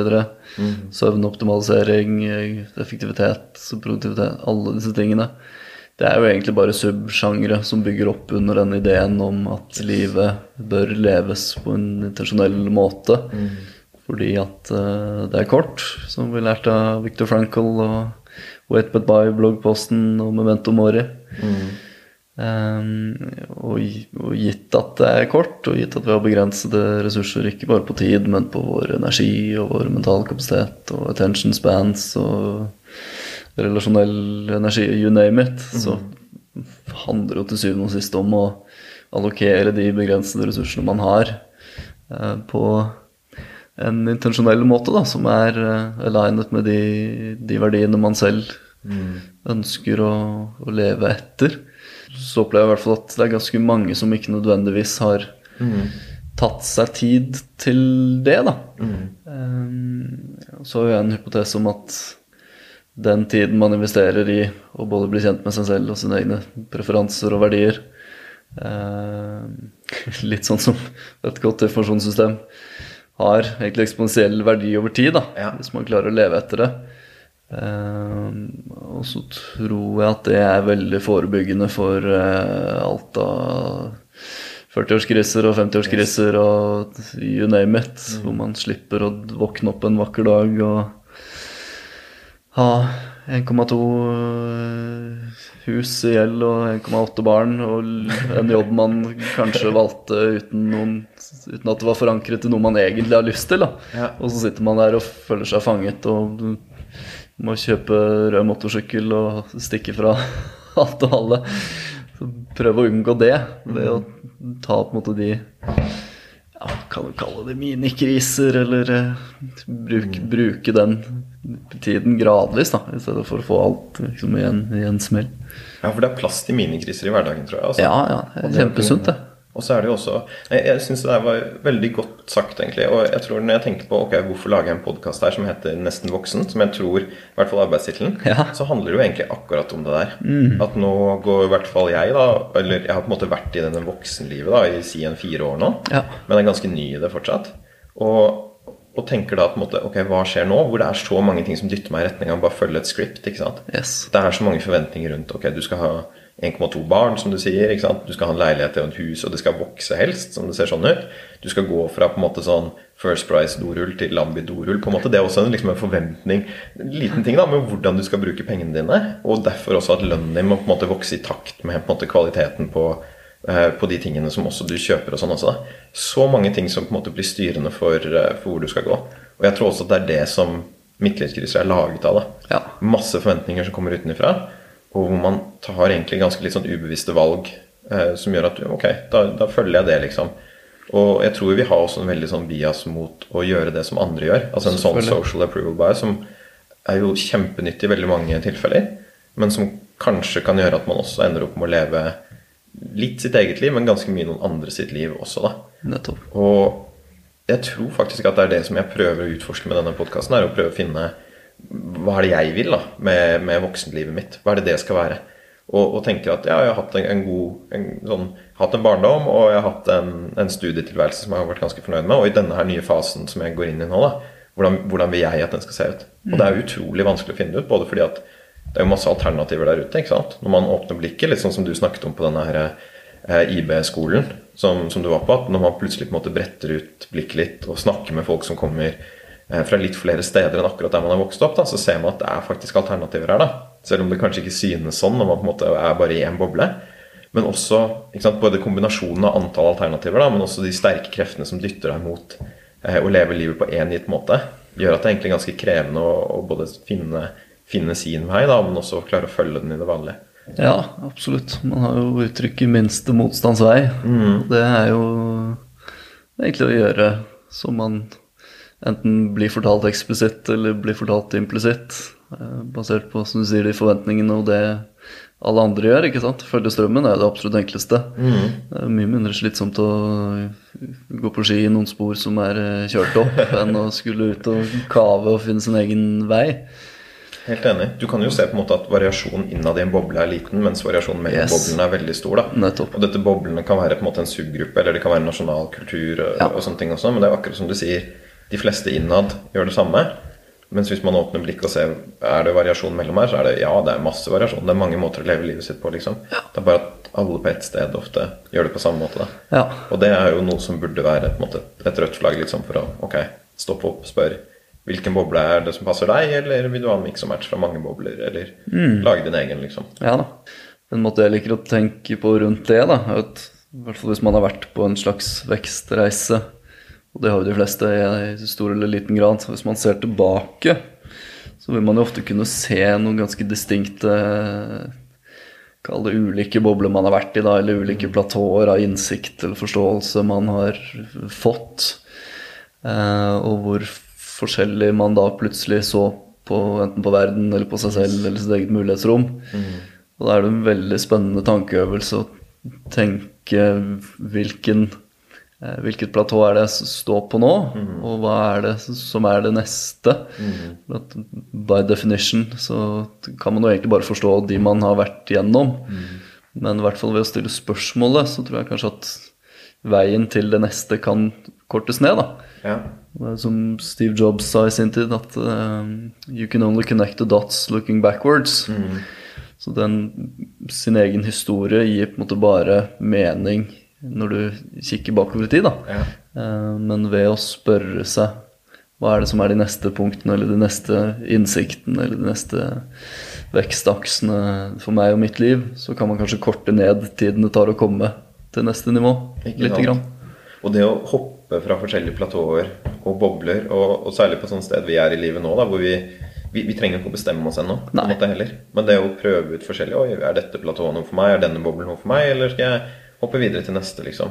Og jeg tror det, er jo- det er jo litt sånn det samme å ta en, sånn som man sier i startup-verdenen, dette med en lean startup, at du skal build, measure, learn, så er det jo litt å gjøre det på sitt eget liv også, da. Ja. Og prøve å på en måte hoppe til boblen, lær, velg hva du tar med deg, og hva du ikke tar med deg, og så kan du hoppe videre, og så kan du gjøre det en stund, da.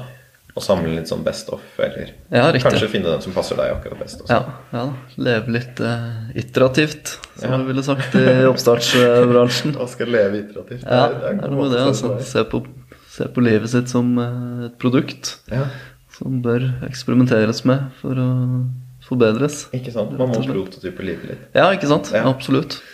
Innen politikk og public discourse så snakker man jo om dette såkalte the Overton window, som da betyr den rangen av temaer eller ting som det er lov å, å snakke og diskutere i in public. da. Ja. Går man utenfor det, så, så bryter man i så stor grad med de sosiale kodene at det er veldig risikabelt. Ja. Uh, det er akkurat det, egentlig det samme du skisserer opp. da. Vi tror jo at det Overton-vinduet som vi har, eller det spillerommet vi har, er mye mye smalere enn det egentlig er. Yes. Uh, og så er det interessant det du sier med folks reaksjon. da, Ofte at Oi, så spennende, det, skulle ønske jeg kunne gjøre. Og jeg får jo mye av den samme reaksjonen når jeg forteller at eh, ja, etter studiet så begynte jeg et konsulentselskap, og så etter eh, tre måneder så sa jeg bare sayonara. Jeg prøver heller å starte med et eget konsulentselskap og se om, det, om det funker. Så det var akkurat samme reaksjon. Liksom. Oi, så spennende. Ja, skulle ønske jeg også kunne gjøre det. Um, men, men faktum er jo at de, de aller fleste kan jo, kan jo gjøre det. Ja. Det, jo, det handler jo bare om mot, egentlig. Det er jo mye av det som ligger til grunn for å dra det helt tilbake til at vi nå skifter navn til Braver. Så jeg tror veldig på mot som en førende verdi, eh, både på et individuelt plan og som organisasjoner. Da. At et mer modig næringsliv, f.eks., eksempel eller et mer modig samfunn, eh, ville være bra. Hvor man ville tørre å ut, utfordre type etablerte sannheter og strekke dette Overton window eh, til å dekke over flere temaer og ja, ta, med, ta mer kalkulert risiko eh, for sin egen lærings skyld og utforske mer og ja, leve leve, leve ut mer av sitt potensial, egentlig, for å bruke en uh, floskel. Sånn for å bytte gir eh, litt nå, da. Ja. Jeg tenkte liksom å hoppe litt sånn tilbake inn i denne informasjonsfangsten og sånne ting Ja. også. Og en ting som jeg fikk spørsmål om Jeg sendte jo ut dette her podkastmanuset, eller disse her på en måte agendapunktene. da. Det høres kanskje ikke ut som vi har så mye agenda når vi snakker her nå, men, eh, men vi, jeg har faktisk en agenda. Og, og der var det et sånn innspill som kom, hvor det var noen som spurte om dette med notattaking. For det er jo noe man gjør i en del situasjoner. Og jeg har gjort det masse både sånn når jeg sitter og vet ikke, jeg hører på en podkast, i en klasseromsituasjon, når jeg er på temamøte, eh, bøker som kommer inn, eh, whatever, da, så er jo ofte noe at måten jeg fanger det på, er å ta noen notater selv. Ja. Har du noen sånne teknikker eller rutiner eller noe måte du har lært rundt dette her med å ta notater, og, og hvordan du gjør det? Og da Ja. tenker jeg både fange dem, men kanskje også bearbeide dem. Ja, absolutt. Der har jeg egentlig gjort meg eh, noen refleksjoner rundt friksjon og verdi, som jeg opplever at henger sammen. Ja. Man tenker jo ofte at eh, jo mindre friksjon, jo bedre. ikke sant? Standardnarrativ. Men når det kommer til eh, læring og dette med å ja, fange kunnskap og notere osv., så, videre, så opplever jeg egentlig at jo mer friksjon det er, jo sterkere sitter det, i hvert fall i skallen. Um, om ikke nødvendig, trenger kanskje ikke så mye friksjon i det digitale, da, men hvis man skal huske ting selv, um, så opplever jeg at det å ta notatet for hånd Ja. er fullstendig overlegent alle mulige digitale varianter. Um, og der tror jeg, eh, i hvert fall gravd litt i hypotesene bak dette tidligere, at det er et eller annet sånn eh, øye-hånd-koordinasjon som får ting mer innprentet i hjernen da, enn å sitte og taste på et tastatur, som er lenger unna det vi, den måten vi har interagert med informasjon på historisk. Ja. Um, Så det er rent å få opp husken, og så tar det lengre tid. ja, det kan tar det lengre tid. du Det kan være et poeng der også. det der også. Ja, det er riktig. Uh, så, så jeg har litt sånn forskjellige notattagingsregimer, egentlig. Altså når jeg leser bøker, Mm. så hvis jeg leser på Kindle eh, digitalt, så highlighter jeg. Mm. Eh, og så dumper jeg de digitale notatene inn i Rome etterpå. Ja. Og da eh, tilbake til denne Tiago Forte, som er en sånn produktivitets eh, second brain-guru på nettet. Han har et konsept han kaller for progressive summarization.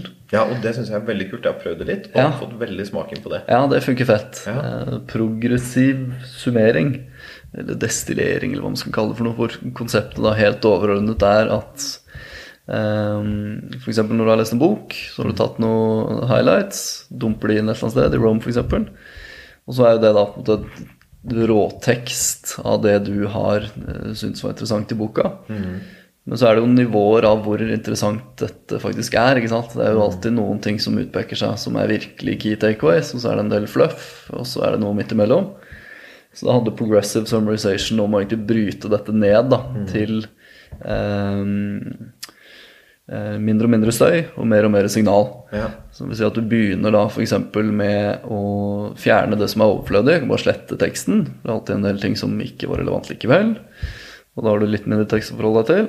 Og så kan du da si ok, nå skal jeg gå gjennom disse notatene, og så skal jeg ta eh, det viktigste i bold, f.eks. Så er det da neste nivå. Og så etter det så skal du kanskje gå gjennom de som er bolda, og så legge på en sånn gul bakgrunn highlight. For det som er aller, aller viktigst igjen. Og så helt til slutt så skal du da kanskje skrive et par setninger selv, hvor du oppsummerer det du eh, opplever som de viktigste poengene i boken, med dine egne ord. da. Og så hvis man eh, da også tar inn i kalkylen dette med å lære over tid, slow roast, nevnte du tidligere, så er det lurt å ha disse progressive summarization-stegene. Ikke gjøre det alt på én time, yes. eller på to timer, men å ta steg én, bruke 30 minutter på det, og så vente noen dager, eller vente en uke kanskje, og så ta steg to. Og så vente en uke til, og så ta steg tre. For da får man bakt det inn over tid. ikke sant? Får behandlet informasjonen på en god måte. Jeg synes det er to ting som man sier om det der med sånn slow rolls to progressive summarization som er ganske sånn bra her. Og det ene er jo dette her med at hver gang du ser på notatene, så skal du legge til verdi. Nettopp. Ikke sant? Og hver gang du går gjennom, så er det ikke bare for å passivt se på, men at da er det bolding eller highlighting eller et eller annet du gjør da, som gjør at de er litt bedre og finere neste gang. Riktig. Og så er det også det man sier at ikke alle notater skal gjennom alle stegene. Nei. Det er ikke sånn at du er forpliktet til å gule eller skrive summaries av ting du legger inn på en måte i systemet ditt heller. Nei, nei, nei. Smekke inn alt. Og så hvis du tenker ut Oi, dette er interessant, dette skal jeg se litt videre på, dette vil jeg dykke i. Da går du inn og på en måte eh, lager, eller øker verdiene på notatene der. da. Nettopp. Så det er jo på en måte ikke et nederlag å ha mange uberørte notater i systemet heller, så vidt jeg har skjønt det. Nei, ikke i det hele tatt. Og det er jo en sånn perfeksjonisme-tendens som noen av oss kanskje sliter med. Som kanskje stopper notattaking også. Ja, ikke sant? Og det kan jo spille seg ut helt tilbake til informasjonsfangsten. ikke sant? Det er veldig mange som Jeg var en av dem tidligere som på død og liv skulle fullføre en bok hvis man hadde startet på den. Ja, ikke sant? Eh, og det har jeg gått helt bort fra, for det at eh, life is too short. ikke sant? Hvis du leser eh, 20 sider av noe, så tenker du at det, det her var ikke spesielt eh, spennende, eller det var ikke noe for meg, eller det var ikke det jeg trodde. Legg det fra deg. Ferdig med det. Finn noe annet.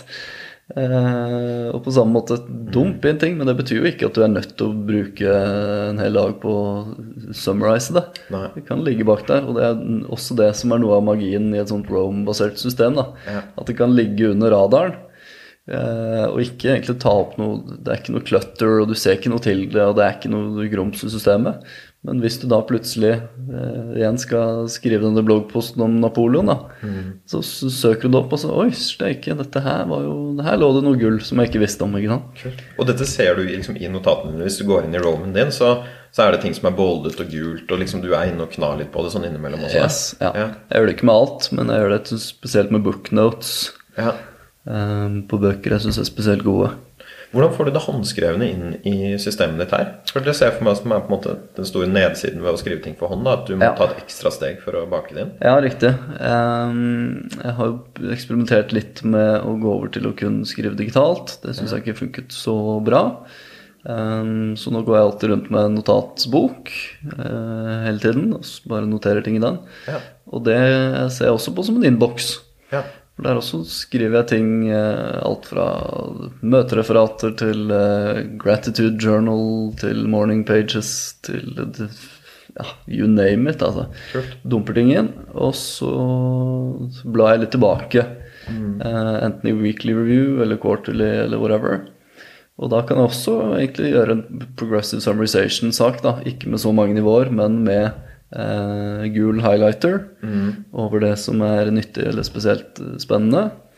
Og så eventuelt et nivå til da, hvor du går over med f.eks. en grønn tusj og underlinjer under de gule highlightsene igjen, f.eks. For, eksempel, for å få enda et nivå. da. Um, Og da kan du på en måte skimme disse bøkene og bare se Oi, grønn tusj. Her, dette er noe som er Jeg har sagt til meg selv at dette er verdt å på en måte huske å repetere og sånn også. Nettopp. Og da kan du igjen digitalisere det, da. For det, ja, la oss si at jeg har en notatbok som har nok sider til eh, et kvartal, da, eller noe sånt noe. Eh, og så skriver man ting inn der på løpende bånd. Så vil jo typisk kanskje ja, la oss si 20% av det da, være tid, ting som er timely og verdifullt utover eh, akkurat der og da, eller utover akkurat den uka jeg skriver det, eller noe sånt noe. Eh, og det kan ofte være vanskelig å identifisere hva de 20 er i sanntid. Fordi at da bare skriver du ting, ikke sant. Mens når du da sitter med den kvartalsvise gjennomgangen og blar deg gjennom den boka, Ja. så ser du veldig tydelig at øh, Oi, dette var spesielt viktig. Og da kan du ta det med deg videre, da, ikke sant? Highlightet der, og så eventuelt legge det inn i Rome eller uh, wherever. Ikke sant? Så, Sånn at det blir en sånn- en del av den progressive summarization og dytte det videre. Nettopp. Riktig. Jeg har eksperimentert en del med sånn iPad med penn, Ja. Som jeg syns funker bra. ja, jeg har hørt flere si det. Og da er det OneNote som jeg bruker, fordi at det har på en måte en sånn samtidssynk. Ja. Og jeg skriver på en måte for hånd inn, inn i, i OneNote på iPaden, og så dukker det rett opp på PC med en gang etterpå. Ja, ja. Genialt. Og da har du ikke, du får ikke noen Rome-funksjon med hashtags og Jeg tror det har en viss søkbarhet også. Jeg har hørt en del si at dette er faktisk ganske bra. Men nå har jeg jo sånn Det er, jo- ikke en mappestruktur sånn som på, på Windows, men det er fortsatt mappe, liksom at det er Ja. nivåer her også. Ja.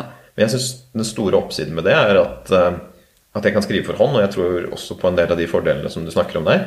Det er friere. liksom Når du bruker et tastatur, så må du holde deg på linjene. Jeg tenker ofte Ja, veldig ja. godt med å tegne figurer, f.eks. Og så får du samtidig den der lagringseffekten som er ganske god også. Stemmer. Har du eksperimentert noe med en, en sånn måte å fange det på? Ja, jeg har prøvd lite grann, men jeg har aldri egentlig prøvd ut på Remarkable blant annet, og litt sånne ting. Men eh, jeg er såpass gammeldags at jeg ram- ramler tilbake på det papiret, altså. Skjønner. Jeg, er eh, Jeg syns også det er noe spesielt med å ja, med å bla og den, den taktile ta på ting-delen av det. Ja. Det er jo pussig greie, sikkert. For, men det er også noe med kontrasten til måte lever såpass så stor del av livet digitalt, da. Og jeg anser jo meg selv som relativt tech-savvy og up to date på eh, teknologi og dingser og software og alt mulig rart. Um, men finner noe sånn ja, noe analog glede eller noe grounding, egentlig, i å selektivt være analog da, på Ja. noen deler av livet. Og det er da f.eks. Eh, notatbøker på papir. Det er eh, eh, gamle automatiske urverk i klokker i stedet for Apple Watch og digitale ting. Ja. Det er det du har på hånden din der også. Ja, Ja. og det er eh, Og så kombinert med den ringen også, som, Ja, ikke sant? Som er helt digital. Gå tur i Aura naturen. og-. Aura Ring, ja. Stemmer. Det er en sånn søvnmåle. Verdens mest avanserte sleep tracker. Som Ja, okay. er i form av en ring på fingeren. Så det Ja, finner noe, en annen form for glede i det analoge, rett og slett. altså. Og jeg sy- syns jo det jeg synes det er spennende, for jeg trekkes også litt mellom de. Jeg har også brukt mer analogt før. Nå prøver jeg å bli liksom papirløs. Ja.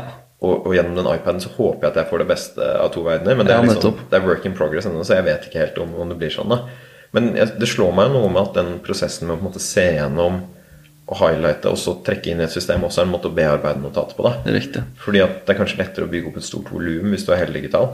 Men det er jo på en Ja. måte ikke volumet. Altså det er jo dette med Volum er et gode, liksom. Større bibliotek er et bedre bibliotek. Men det er også noe med at det er velarbeidet, liksom gjennomarbeidet, og kna notatene sine, sånn som de snakker om med progressive summarization og sånn. Riktig. Og så er det også det med eh, hvordan du kan få det ut av at det kanskje er noen fordeler der. For at du kunne jo bare lagt inn hele internett, liksom. Du kan Ja, si at mitt sant. Ja, bibliotek right. er internettet, liksom. Ja, ja.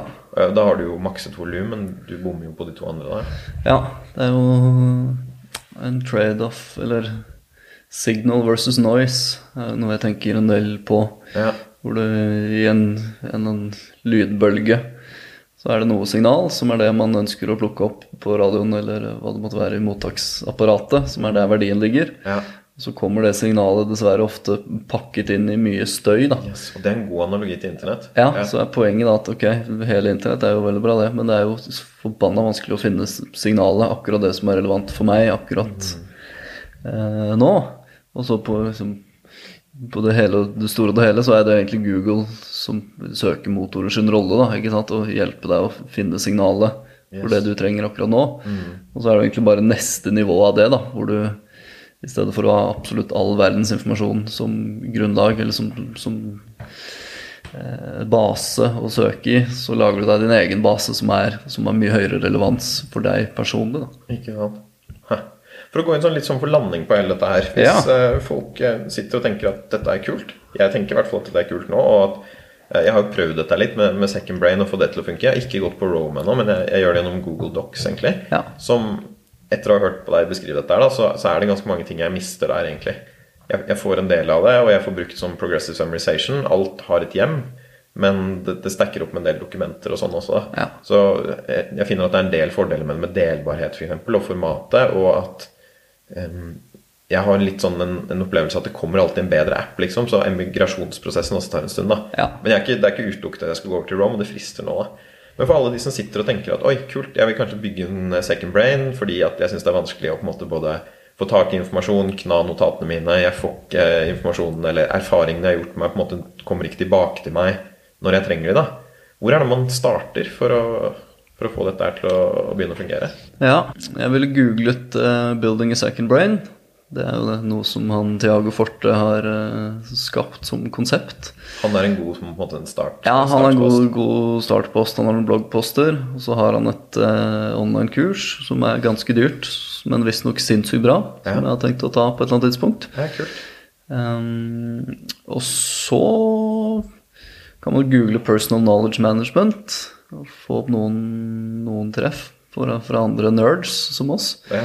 Og så tror jeg egentlig jeg bare ville satt i gang altså, og begynt å prøve meg litt frem. Yes. Eksperimentere med Rome eller uh, whatever du har lyst til å prøve ut.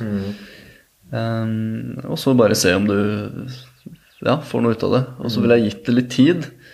Fordi at uh, Det er ikke at Rome er et spesielt vanskelig verktøy å lære seg, men det er noe med at du ser ikke egentlig verdien av det før du har kommet over kritisk masse yes. med innhold der inne. Uh, det kommer vel på kjøp med en sånn slow rolls-tilnærming? Liksom. Ja, det er poenget med det. Du skal, skal ikke gå så kjapt. Dette det bygger seg opp over tid, ja. så du må gi det en sjanse. Ja, så man, Du ser kanskje ikke takeawayen den første uka, mm. men gi det tre til seks måneder med litt jevnlig jevnlig input og pleie, så, så, tror jeg du vil skjønne greia. Da spirer planten. Det er liksom ja, å være gafler, egentlig. Ja, absolutt. Ja. absolutt. For å, for å, legge til der, da, bare sånn refleksjon jeg har etter denne samtalen her, så tror jeg at dette her, å gå inn i second brain, kanskje kan gjøres som en forlengelse av Getting Things Done, eller det man allerede gjør der. Eller hvis man ikke har satt seg inn i Getting Things Done, da kanskje prøve å gå inn for disse prosjektene samtidig. Jeg tror de overlapper ganske mye. Ja. Og både sånn generelt fordi at eh, da kan du ha på en måte prosjekter som lever begge steder. Både med Getting Things Done som har mer med to do-lister og sånn å gjøre, mens Second Brain som er mer informasjonen som er relevant i forhold til det. Så jeg tenker jo at den David Allen sin bok 'Få ting gjort' eller 'Getting Things Done' faktisk kan være litt relevant her. da. Ja. Og så tenker jeg særlig det du snakket om med en sånn weekly review. For det er i hvert fall beskrevet i Getting Things Done-metodologien som kanskje det viktigste steget som flest gjør feil. da man setter opp en to do-liste. Man går inn for Inbox Zero, men så har du ikke dette her ritualet ukentlig som gjør at du faktisk kommer opp til speed. Og det som skjer med en to do-liste, er jo at det blir et hamsterhjul. Hvor det bare fyller seg opp, og så til slutt så må du emigrere til en annen to do-liste fordi at den gamle er full. Eh, og, jeg ser for meg litt det samme kan skje når du begynner å samle informasjon også. Eh, at du bare Ok, plutselig er biblioteket kjempestort, og så ja, ja, nå er det Google har flyttet inn på en måte i, i roamen min, og så, eh, så, er ikke å, så er det ikke noe mer nyttig enn det store internettet. da så jeg tipper at det der må ta seg en weekly review og sette av tid til å på en måte bearbeide informasjonen da, jevnlig. Tømme innboksene sine. Også er noe som skal til for å på en måte komme opp til speed og få dette her til å fungere. Ja, absolutt. Og igjen tilbake til der vi startet. Man må passe på å ikke miste målet av syne her. Yes. Målet er ikke det å fange masse tekst og bits på en skjerm i seg selv. Målet er å få noe ut av det. ikke sant? Om det er uh, uttak i form av uh, nye og forbedrede ideer, sammenkoblede ideer og tanker mm. som man får på ulike tidspunkter, f.eks., eller om det er å koble sammen eh, noe man lærte fra kilde A med noe man lærte fra kilde B. Eller om det er eh, som grunnlag for å reflektere rundt sitt eget liv og leve mer intensjonelt, som vi snakket om kanskje er meta-poenget mm. på helt øverste nivå her, til syvende og sist. Eh, altså ikke miste målet av syne, rett og slett. Pass på at man får noe output av dette. Ikke yes. bare at det blir en sånn dumping ground for alt mulig greier. For det er jo det som du også begynte med, at det å samle informasjon er ikke et mål i seg selv. Det er et middel for å være mer produktiv, eller for å nå de målene man har, eller for å ja, leve mer intensjonelt, som du sier da. At det er det man på en måte burde eh, holde et øye på når man setter i gang med dette her. Riktig. Mm. Og der tror jeg også det er veldig lurt eh, med tanken med at du treffer nok ikke en innertid første gang, både pga. slow roast-prinsippet, men også fordi at du sannsynligvis kommer til å gjøre en hel del feil når du setter i gang, og at det er en del av greia. Det er absolutt en del av greia. Sånn, um, ja, move fast and break things også når du skal bygge ditt eget sånn personlig informasjonshåndteringssystem. Da. Riktig. Og det er jo det er jo heldigvis bare å prøve seg frem og eksperimentere. Og så prøve å finne noe som funker for en selv. Greit å lese seg opp på litt best practice fra andre. Ikke sant? Men uh, det er jo også et rabbit hole. Du kan jo kan sitte de neste tre månedene og lese om uh, second brains. Men det er noe med å bare komme i gang og så se hva som funker for deg selv. Så kan man selvfølgelig, når man begynner å lese om dette her, opprette et dokument i Rome hvor man begynner å skrive om det også. Nettopp. Så er man i gang. Så er det Veldig meta. by doing ja, ja, ja. og learning samtidig. Ikke sant. jeg tenkte bare sånn helt avlysningsvis også bare nevne et par andre apper som jeg syns har vært veldig gode for dette her. Ja, jeg syns Pocket er veldig god, ja. som er en leseapp. Det er jo egentlig en, en innboks for artikler. Nettopp. Så hvis jeg finner noe på internett, den, den, har en Chrome extension, og jeg har den på mobilen min også, så hvis jeg finner en artikkel som tenker den er interessant, istedenfor å bare ha et sånn hav av faner, da, så trykker jeg på pocket, så spares den, og så kan jeg lukke fanen. Og så, og så er det så ikke på en måte Så ligger den der. blir en ja. inbox, for det syns jeg er en dårlig innboks. Enig. Jeg gjør akkurat det samme, men i ja, noe som heter Instapaper. Akkurat okay. samme greia. Som gjør det samme som fanger artikler? Ja. Liner er en annen som jeg har gjort. Ja, den også bruker jeg. Ja, for det funker liksom det samme, bortsett fra at du bare googler noe. Og da får du på en måte både artikkelen, men også det sitatet hvor du har på en måte googlet da, hvor som helst på internett også. Ja, som også blir en innboks som må på en måte håndteres på et tidspunkt, men som også er bra for å samle. Ja, Jeg har også funnet en Chrome-plugin som er liner for Rome, egentlig. Så du uh. liner i en artikkel, og så dumpes det rett inn i Romen din. Ok, Så du får det som tekst i Rome Yes. med, med på en måte henvisning til kilden? Backlink til der det kommer fra. Ja, riktig. Er det noen andre sånne software som du anbefaler her? Eller vi har snakket om Rome, vi har snakket om Notion, Evernote, som, som kanskje ikke er helt uh, innertier, som basert på samtalen vår her. Um, men som selvfølgelig kan være bra, og som har sine funksjoner, det også. Jeg Ja. tenker Hvordan du bruker det, er viktigere enn akkurat hvordan software er. Ja. Og så Pocket Liner, andre ting. Eh. To-do-list var jeg også nevnt som jeg syns er en god to-do-liste, men det er jo litt på siden. Ja, på to do-lister så bruker jeg uh, Things personlig. Uh, egentlig primært pga. én funksjon, som er en shortcut. Der man trykker eh, control space eller et eller annet sånt noe, og da, uavhengig av hvor du er, så popper det opp et lite vindu på Mac-en, og så kan du bare umiddelbart skrive inn en to do, og så lagres det der, og så forsvinner den ut av syne. Kult. Og da er det innboksen din, da. Ja, riktig. Um, og så kan jeg også, hvis jeg er eh, Hvis jeg holder inn en annen knapp i tillegg, så um, i to do-feltet så linker den tilbake til hva enn det var jeg holdt på med på Mac-en. Om det var en e-post eller en fane eller whatever. Så hvis det er sånn Ja, send dette til eh, eh, min venn Per.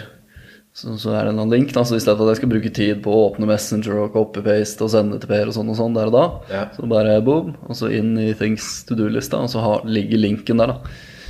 Så den bruker jeg personlig. Og i teamet på jobb så bruker vi Asana, Ja. som er eh, bare fullstendig overlegent. Jeg tror jeg har prøvd alt av eh, to do-verktøy og samhandlingsverktøy. Det er helt, helt sinnssykt. For det er et alternativ til Trello, f.eks.? At det er, Ja. det er å ha et oppgavehåndteringsverktøy Yes. for teamet? Ja, prosjektstyring med, på tvers av masse prosjekter og teammedlemmer. Og ja, assigne tasks og roller og ansvar. Og, helt genialt.